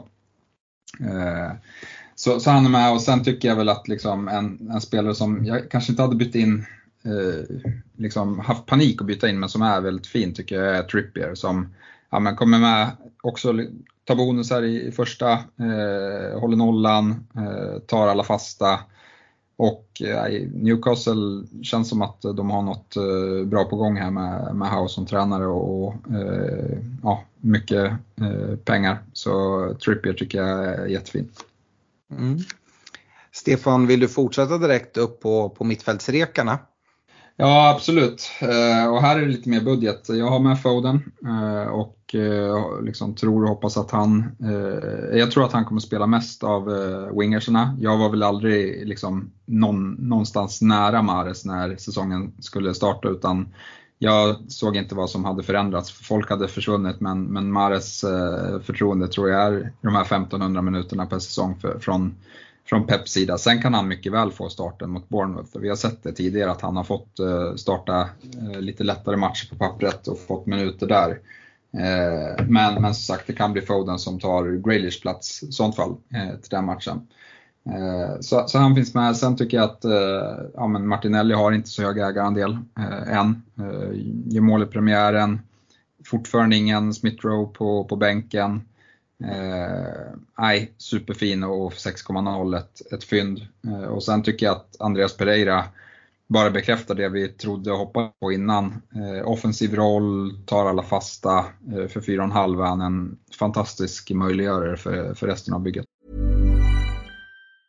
Mom deserves the best and there's no better place to shop for Mother's Day than Whole Foods Market. They're your destination for unbeatable savings. From premium gifts to show-stopping flowers and irresistible desserts. Start by saving 33% with Prime on all body care and candles. Then get a 15-stem bunch of tulips for just $9.99 each with Prime. Round out Mom's menu with festive rosé, irresistible berry chantilly cake, and more special treats. Come celebrate Mother's Day at Whole Foods Market. Mother's Day is around the corner. Find the perfect gift for the mom in your life with a stunning piece of jewelry from Blue Nile. From timeless pearls to dazzling gemstones, Blue Nile has something she'll adore. Need it fast? Most items can ship overnight. Plus, enjoy guaranteed free shipping and returns. Don't miss our special Mother's Day deals. Save big on the season's most beautiful trends. For a limited time, get up to 50% off by going to BlueNile.com. That's BlueNile.com.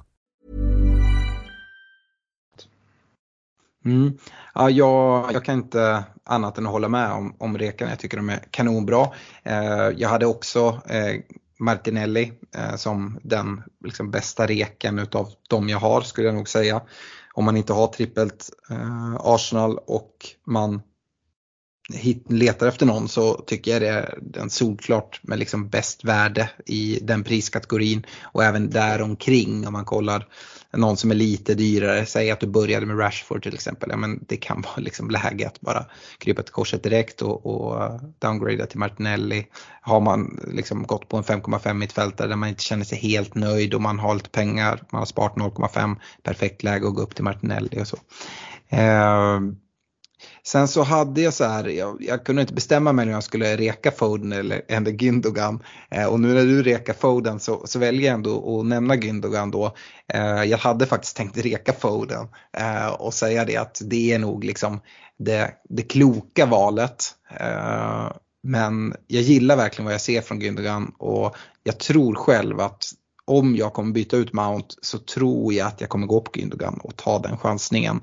Eh, får vi se om det faller väl ut. Men jag väljer att reka Gündogan då istället för Foden eh, som mitt City-val. Jag skulle kunna reka dem båda men det är inte så, eh, ah, det är inte så kul tycker jag. Eh, som femte mittfältare eller liksom som tredje eh, rek så Eh, hade jag mycket väl kunnat nämnt Pereira också, jag tycker han är kanon.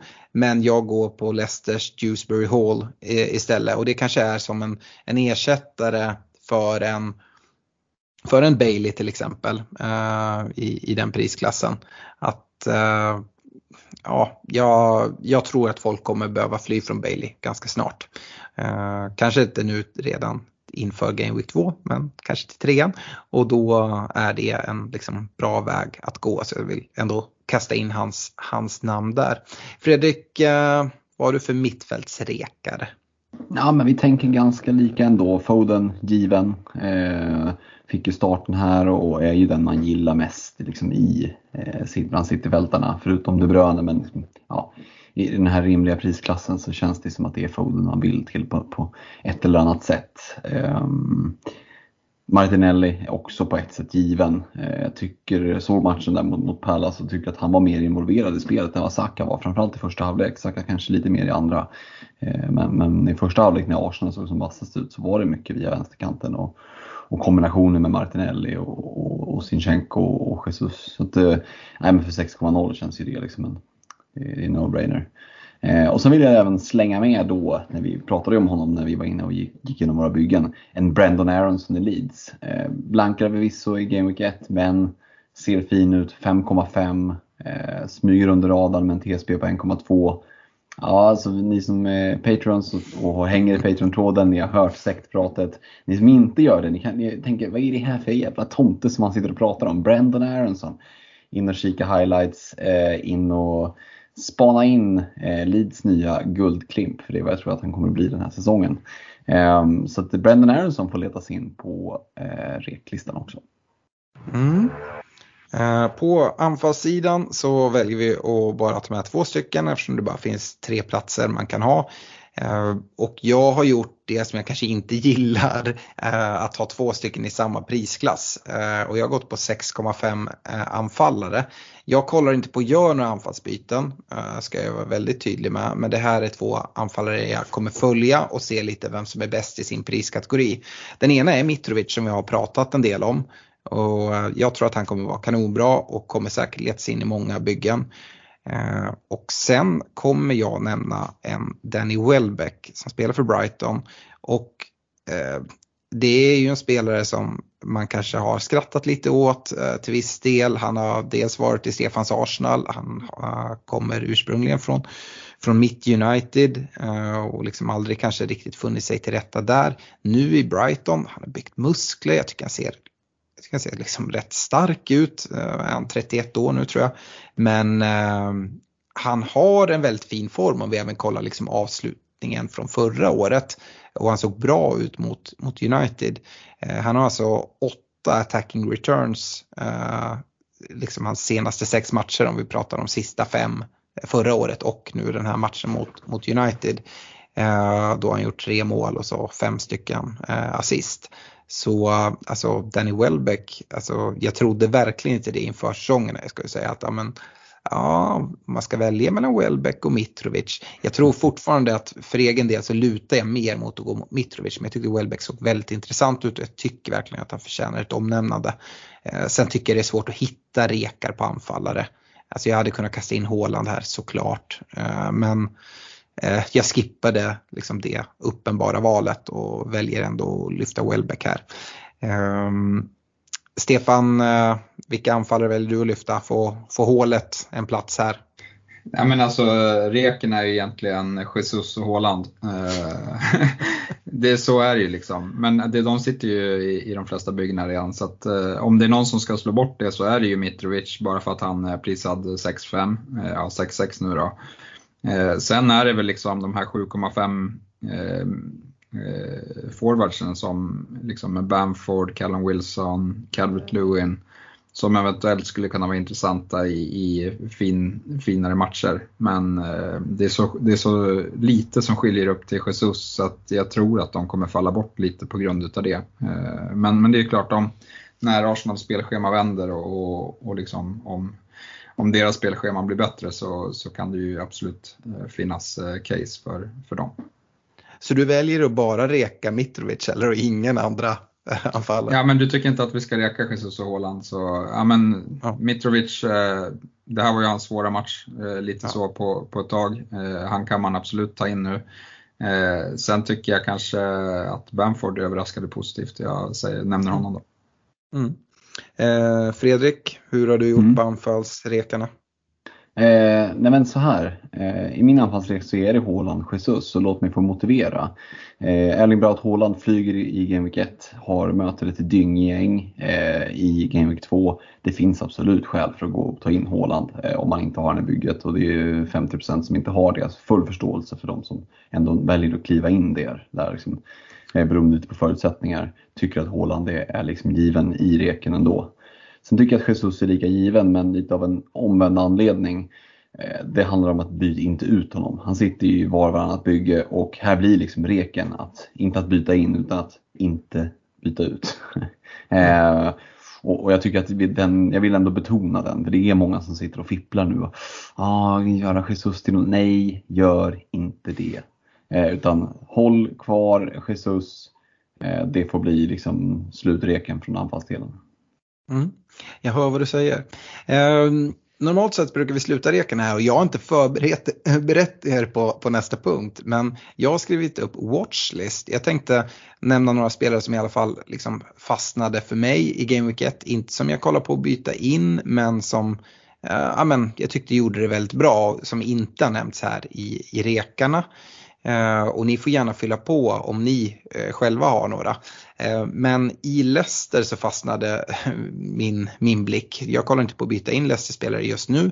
Men vi har varit inne på det tidigare. Leicester-försvararna har prisats ja, ganska lågt. Eh, vi har en, både Kastanj som gör mål, eh, nickar in en hörna, men även en James Justin. Vi, vi såg, eh, eller vi, vi fick nyheter om att Pereira skadade sig ordentligt och är borta sex månader så missar väl eh, ja, men mer eller mindre säsongen eller liksom väldigt stora delar och sen är det liksom komma tillbaka från det.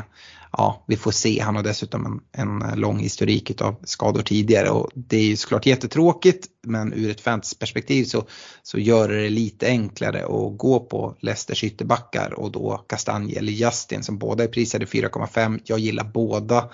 Eh, där håller jag ett öga nu kommande Game Weeks och ser lite hur Leicester fortsatt ser ut defensivt men kanske också hur, hur de här ytterbackarna kommer att se ut.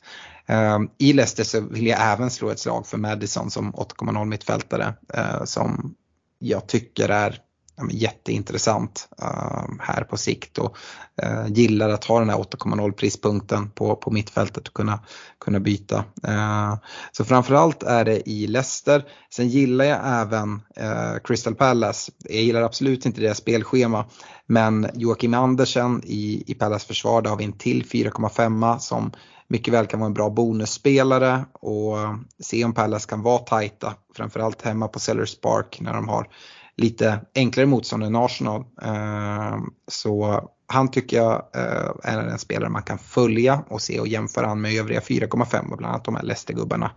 Eh, och så Wilfred Zaha eh, som skapar problem för de allra flesta lag och han kommer göra det även i det här tuffa spelschemat även om jag inte är beredd att kliva in på den på den prispunkten. Men till exempel för någon som Fredrik som har gått på Grealish, om vi ser att uh, Grealish börjar tappa mycket speltid och sådär, tycker jag är en perfekt väg att gå på en gå till en eh, uh, Wilfred Zaha här lite längre fram. Uh, så det är väl de spelare jag skulle vilja nämna. Jag vet inte om ni vill ge någon, uh, ja, någon kommentar till de spelare jag nämner eller om ni vill skjuta in någon. Om vi börjar med dig Fredrik. Mm, man kan skriva under på de du nämner tycker jag att det är definitivt värt att hålla ett öga på. Eh, ska jag fylla på listan med ett par namn så är det väl eh, dels en Anthony Gordon i Everton som jag tycker spelar väldigt offensivt för att stå som mittfältare. Eh, liksom fått nytt tröjnummer, ny kaxighet. Eh, var ju nära att plocka med sig en straff. Ja, men det känns som att han kommer att vara inblandad i en del. Har ju sin kollega, nya kollega Dwight McNeil där också. Eh, båda prisade 5,5 så där kan det vara ja, men se lite vem av dem som, som eh, har slutprodukten i år eh, och faktiskt gör poäng. Eh, det är väl det som har varit bådas ja, men lite problem under förra säsongen till exempel, att de har gjort lite för lite poäng. Men eh, 5,5 för båda gör ju att jag håller ett extra öga där. Eh, du var inne och nämnde Pallas, jag tycker Etze för 5,5 som tar alla fasta. Eh, eller i alla fall frisparkarna. Ehm, och du nämnde Andersen, de har ju mycket duktiga huvudspelare så där kan det nog komma en hel del assist. Eh, sjunkit lite i pris inför i år, 5,5 i och med att han var skadad mycket förra året. Eh, det skulle kunna vara någon att hålla ett öga på. Och sen måste jag ju nämna en Darwin Nunez. Eh, om det nu är så att han gör den här liksom starttröjan nummer 9-rollen i Liverpool till sin så, så får vi väl bara acceptera att för 9,0 så då, då, är det ju någon som ändå är med och slåss om den där tredje Liverpool-platsen bredvid Salah och Trent. Eh, sen kan det bli klurigt att få in honom men eh, fortsätter han så här så som han såg ut i inhoppet så, så är han ju, ja men då gör han det ju till lite match i alla fall mot, mot Luis Diaz och Andy Robertson. Mm. Absolut. Jag kan väl även skjuta in det innan jag ger ordet till dig Stefan. Att man, jag skulle vilja skjuta in eh, spelare som jag inte har sett någonting på den här watchlisten i form av en Perisic också. Eh, som sitter i ditt bygge. För jag tror att han kommer vara superbra och är det så att vi ser att han kommer in och får starta, men då är det någon jag inte kommer tveka på att kliva på ganska tidigt. Stefan, din syn på de namn som har nämnts och om du vill skjuta till något? Uh, ah, nej, men jag håller med om Perisic. Vi såg ju både Sessignon och uh, Emerson Real uh, göra poäng och så kommer det nog vara från, från Spurs uh, wingbacks. Det är väl bara att det är lite svårare att hitta rätt mm. som, som såg ut lite liknande mot tidigare säsong. annars såg jag såklart Palace Arsenal och var ju tokig på att vi inte satt press på Andersen för han hade ju en, liksom, en lång boll som aldrig var fel. sen, sen slog han bort någon i andra halvlek där. Och, men, men ja, liksom dels det eh, och liksom bonuspotentialen men även hans huvudspel är ju livsfarligt. Så att, eh, mm han, han är en bra, jag tror att han kommer vara bra värde framförallt på hemmaplan då, 4,5. Eh, och Sa var ju också jättebra. Jag hade gått för honom om jag skulle ha honom på, på mittfältet. Mm. Annars tyckte jag väl Newcastle såg, såg bra ut. Eh, jag har sett eh, intervjuer med Callum Wilson som siktar på att ta, ta sig till Englands landslagstrupp här för VM. Såg pigg ut. Bruno Guimaraes på, på mitten, såg fin ut. Ja, och Trippier såg bra ut. Så att där, där tror jag också att det, det är väl bara att man vill ha lite bättre spelschema. Eh, det är de här mm. matcherna i Game Week 3 och 5 som, som oroar, men, men om man liksom kan, kan rotera dem eller har bredare trupp där så, så ser det bra ut med spelschemat. Mm. Eh, nej, det var väl det. Sen tror jag att, eh, ja, men ni, ni pratar Welbeck, jag tror, jag har inte skrivit av eh, Trossard eh, heller i Brighton. Nu var det Gross som gjorde poängen här i Game Week 1, men jag tror att Trossard eh, absolut kommer vara den mittfältare som tar mest poäng i Brighton. Mm, bra shout. Eh, vi ska gå vidare med en kaptensdiskussion för Game Week 2 och eh, kaptensvalet är ju oerhört viktigt i fantasy. Vi har en deadline på lördag klockan 12.00 då Villa och Everton sparkar igång. Det, eh, se till att sätta i ordning era lag i, i tid tills dess och göra era byten och som sagt placera ut kaptensbinden. Och eh, vår lyssnare Chris Karlsson eh, ställer frågan Erling eller Salah kapten och det är väl, vi behöver inte gå så mycket längre än så, eller vi kan väl i alla fall säga Liverpool eller City. Eh, för är det så att man har Kevin De Bruyne kanske han kan blanda sig i, även om jag tror att det är Haaland och, och Salah som liksom kommer slåss om det i de allra flesta lag, om man nu har båda. Eh, har man bara en av dem så tycker jag det är väldigt enkelt att bara sätta binden på, på den man har. Och som som Fredrik tror jag var inne på eh, tidigare, är det så att man har gått på Kane och man liksom har missat price-droppen och inte vill liksom ta minus fyra som, som jag också är inne på att man kanske inte ska göra. Alltså, man behöver inte känna sig jättelivrädd för att sätta binden på Sala i hemmapremiären mot, mot Palace. Jag, eh, jag gillar verkligen det, jag har sett några så här eh, Eh, på Twitter som säger ja men Salah han har aldrig gjort mål i Game Week 2 eller något sånt där.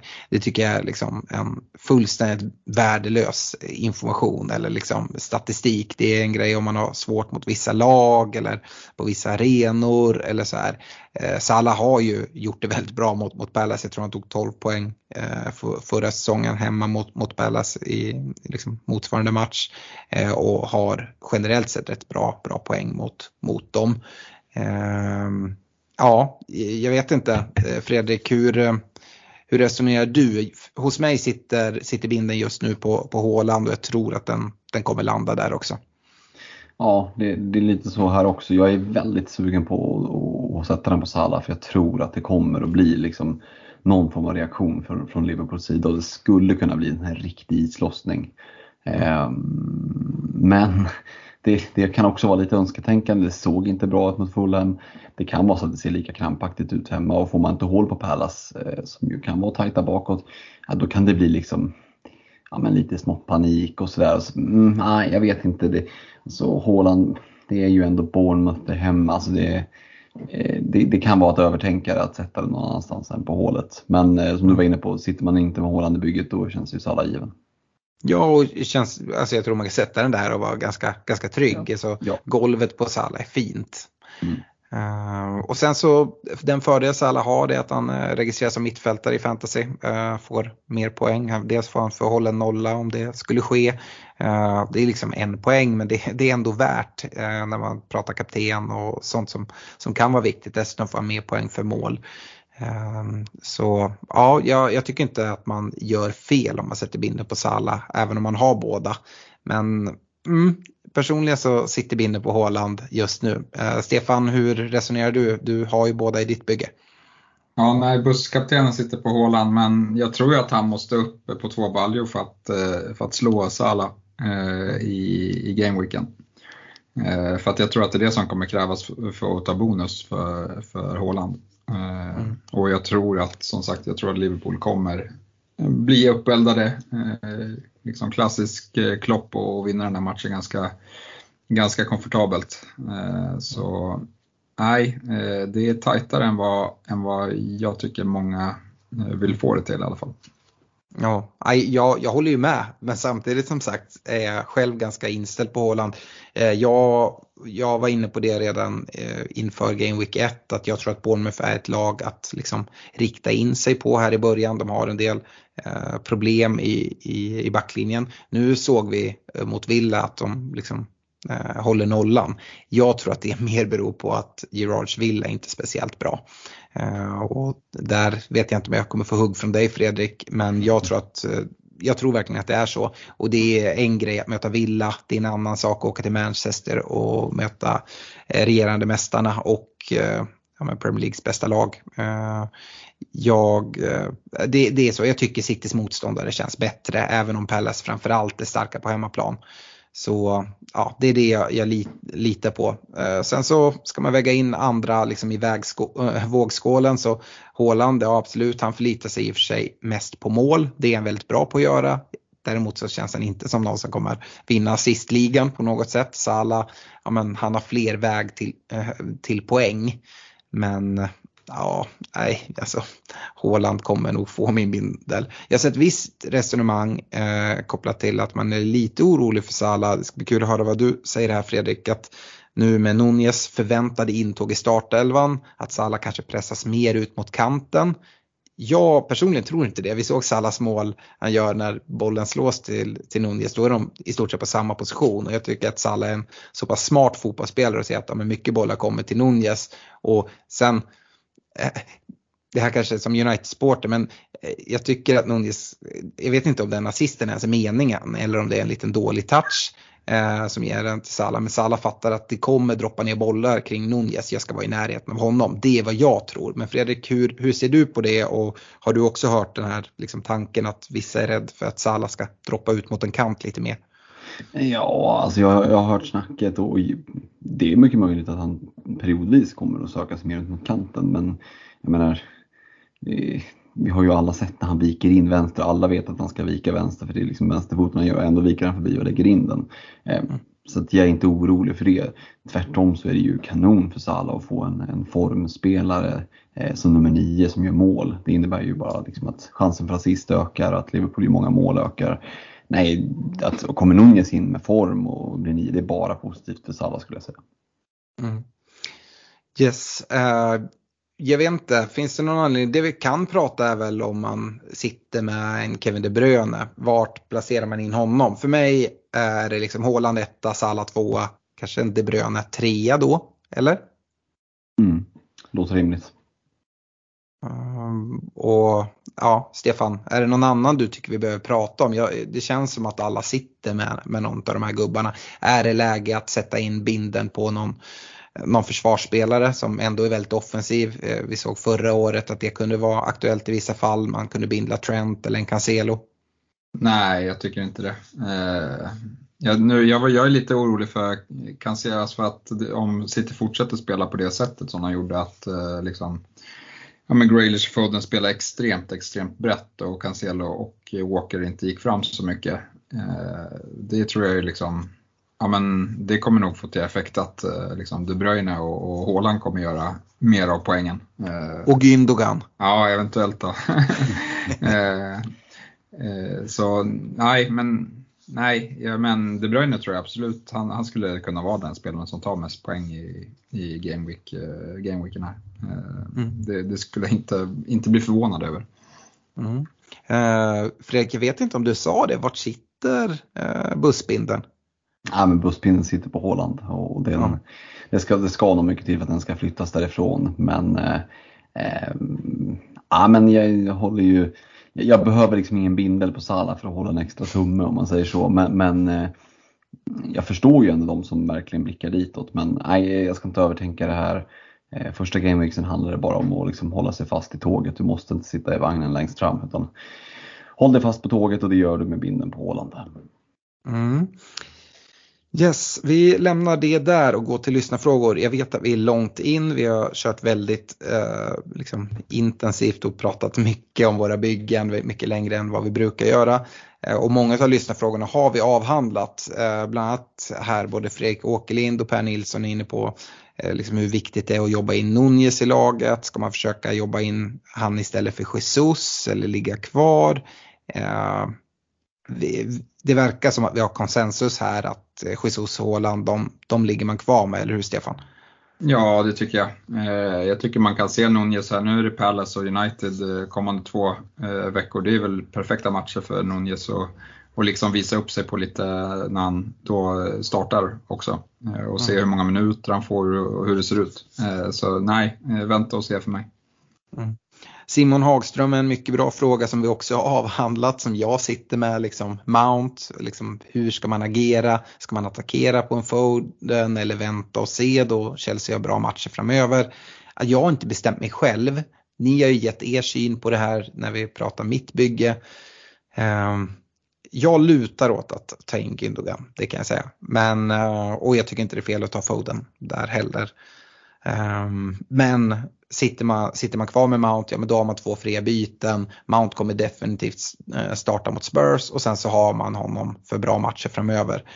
Ehm, så det är inte fel heller. Det är en klassisk helgardering här Simon och du får nog gå på din egen, egen magkänsla. Men det är, det är inte bara eh, Mount-ägare som, som kikar på det här. Vi har Sverre Romstad, den undrar ska man göra Diaz till Foden? Uh, och Eh, Henrik Jonsson han undrar, ska man sitta kvar med Kulusevski eller gå på City offensiv? Vi har ju en hel del 8,0 mittfältare. Um, ja, hur, hur ser du Stefan på eh, alltså Diaz eller Kulusevski? Hade det varit något annorlunda än, än om man sitter med Mount som vi har pratat om tidigare? Nej, men Kulusevski hade jag, hade jag bytt. Eh, jag tror inte Spurs kommer vara det här laget som eh, bara öser in mål och nu har de tre utav de kommande fyra på bortaplan dessutom. Eh, där förväntar jag mig liksom tajta matcher, eh, uddamålssegrar. Sånt fall om de vinner de matcherna. Eh, och då tror jag att det finns bättre alternativ än, än Kulusevski. Eh, men Mount är svårare för att han har ju så extremt fint spelschema efter den där matchen. Eh, mm. Så han är ju svårare. Men det är, det är klart att det blir fair factor när, när City ska möta Bournemouth hemma. Det, det, är det, det är det alla är rädda för. Eh, mm. Och om man inte sitter trippelt där så kommer man ju tappa om de, om de gör 5-0. Mm. Ja men Kulusevski har ju också väldigt fint eh, spelschema efter Chelsea. Så att jag tycker han och Mount är lite liknande samtidigt som man fick mera positiva signaler från Kulusevski snarare än Mount. Eh, det är lite stökigt men jag vet ju vad du tycker i den frågan Fredrik. Men Patrik Larsson äh, tycker vi ska diskutera Kulusevski ännu mer då han har blivit åsidosatt i tidigare avsnitt på grund av sin prislapp. Han menar på att han nu redan har stigit i pris. Är det värt att plocka upp bollen nu på allvar? Tror ni det finns Eh, tror, han tror att det finns en och annan människa som ser honom som en billigare väg in i Spurs offensiv då än, än Son och, och Kane. Ja, då ska man ju vara väldigt övertygad om att han kommer att spela så pass mycket att det är värt det. Eh, jag håller hans rotationsrisk på samma nivå som, som Graylish och liksom, ja, men City-fältarna och då tycker jag City är ett mycket bättre lag. Eh, jag sitter hellre liksom med Foden än med, än med Kulusevski. Mm. Som sagt, han gjorde det jättebra i Game 1 men liksom, Richarlison är inte invärvad för att nöta bänk eh, liksom, vecka ut vecka in. Eh, Lukas Mora ska spela. Nej, det, jag, jag är jätteorolig för att det eh, så fort poängen börjar sina så, så kommer speltiden göra detsamma eh, på Kulusevski. Det är jättekul som med svenska ögon att det går bra men låt er inte förblindas av att det är en svensk utan se nyktert på situationen. Alltså som Stefan var inne på, satt du med Kulusevski i första eh, Gameweeken plockade de poängen och sen bara switchade honom till en cityfältare nu. Det är verkligen liksom råna banken och bara knata därifrån utan att polisen ser dig. Så att, äh, det, det, jag hade nog gjort Kulusevski-bytet faktiskt. Mm. Men utspritt eh, till alltså. Nej. Eh, Stefan Gustav Persson, han eh, ställer frågan ett annat sätt att attackera. Eh, och undrar om det är värt att byta ut Son mot en Kevin De Bruyne då eh, och sitta med trippelt city mot Bournemouth. Eh, men då i så fall sitta helt utan Spurs. Vi var inne på det att Spurs också har ett väldigt fint spelschema eh, efter Chelsea. Ja, nej, jag tyckte Son såg bra ut. Eh, det beror lite på vad han haft för plan där. Eh, De Bruyne ser också jättebra ut så att Eh, det är väl vem, vem utav dem man vill sitta med här under en, en längre period. Eh, men jag tror inte att man ska sitta och byta dem fram och tillbaka hela tiden. Eh. Men just för den här kommande gameweeken så är ju De Bruyne favorit. Men, men sån eh, het. Så det är absolut inte fel att sitta kvar med honom heller. Nej, alltså jag tycker att du säger det utan att riktigt säga det, men håll dig till din plan. Gustav, är det så att du tog in som eh, i ditt Game Week 1-lag för att liksom attackera sig 15 matchen eh, men med en tanke att sen kliva in på Kevin De Bruyne, ja men kör på det. Om det inte var så, ja, men då spar bytet. Alltså byten är värdefulla, det är skönt att sitta med två byten som kanske passar ganska bra mot ett Chelsea på bortaplan och, och kontra en del. Ehm, så jag tycker inte att det är fel ens i Game Week 2 matchen och sen så har du fint spelschema. Ehm, så att oavsett hur man väljer där så tycker jag att det är liksom ett bra val. Ehm, sitta kvar och då få ett, ett eh, extra byte eller attackera för att jag tror att Kevin De Bruyne som, som du är inne på Stefan mycket med, väl kan komma ut med den spelare som tar mest poäng. Det har han möjlighet att göra vilken game week som helst men absolut då när de ska möta Bournemouth hemma. Um, magkänsla där Gustav och håll dig till din ursprungliga plan. Um, ja, det här är en bra fråga för dig uh, Fredrik. Uh, Viktor Rickardsson, Grealish, stanna eller uh, ska man skeppa ut honom? Man sitter väl kvar bara eller? Mm, han sitter kvar en gång till här nu.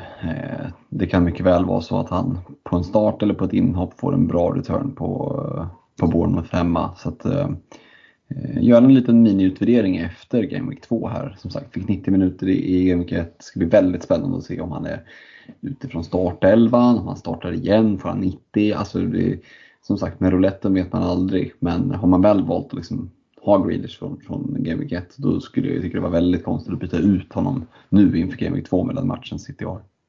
Mm. Uh, ja, Stefan, Niklas Bengtsson väljer att svära i FBL-kyrkan. Uh, eh, får se vad du säger. Uh, tror ni detta är året då man sitter utan Sala mer än tidigare år? Uh, mycket med tanke på Kevin De Bruyne som ser bra ut med Haaland och kanske framförallt att Nunez tycks sno mål från Sala. är ju small sample size på allt här men tendenser jag går på. Ska vi försöka prata Niklas ur det här eller ehm, ja, jag skulle personligen inte gå utan, utan Salah. Jag ser det snarare som så att Liverpool ser svaga ut i första gameweeken. Salah ser inte glödhet ut, kommer ifrån med 1 plus 1. Ja, nej precis. Jag har absolut eh, kvar Salah eh, här. Sen eh, får vi se vad som händer under säsong mm. längre fram. Men, men just nu kan man inte skriva av honom, inte på långa vägar. Eh, han kommer sitta kvar till första wildcardet, han kommer troligtvis sitta kvar eh, även då. Eh, och sen efter VM så är han ju direkt ett alternativ och vara piggare än, än de som har spelat VM. Så att, eh, mm. nej, jag tror man kommer ha så alla ganska mycket faktiskt. Mm. Fredrik eh, Oskar Franzén han undrar om det finns något som helst argument för att använda ett wildcard redan efter Game Week 1. Eh, och han lägger då upp att han exempelvis gick på Kane och han har inte Jesus i laget heller. Det kommer krävas minus 16 för att få in både Håland och, och Jesus i laget. Nu ser vi inte hans lag men eh, om du tänker att man verkligen har gått helt snett um, och kanske gjort till och med en del dåliga val. Nu vet vi inte vilka han har istället för, för Jesus. Vi vet att han har Kane snarare än Håland och det, ja, det kan ju gå lite hur som helst i en enskild game week. Men uh, ja, vad säger du? Nej, det ska väl väldigt mycket till om man ska dra wildcardet till Game Week 2 skulle jag säga. Eh, men det är så, det är kanske de som har satt ordning sitt lag tidigt och glömt bort att det börjar och sen bara, vad fan har jag för jävla lag? Eh, då kan man mycket väl dra wildcard nu för att rätta till det. Men eh, om man har varit något sånär haft en plan in i säsong så tycker jag att man ska, ska hålla vidare på den. För det, inte, det har inte hänt så mycket som vi inte visste kunde hända. Så jag ser inte varför man skulle behöva använda ett wildcard.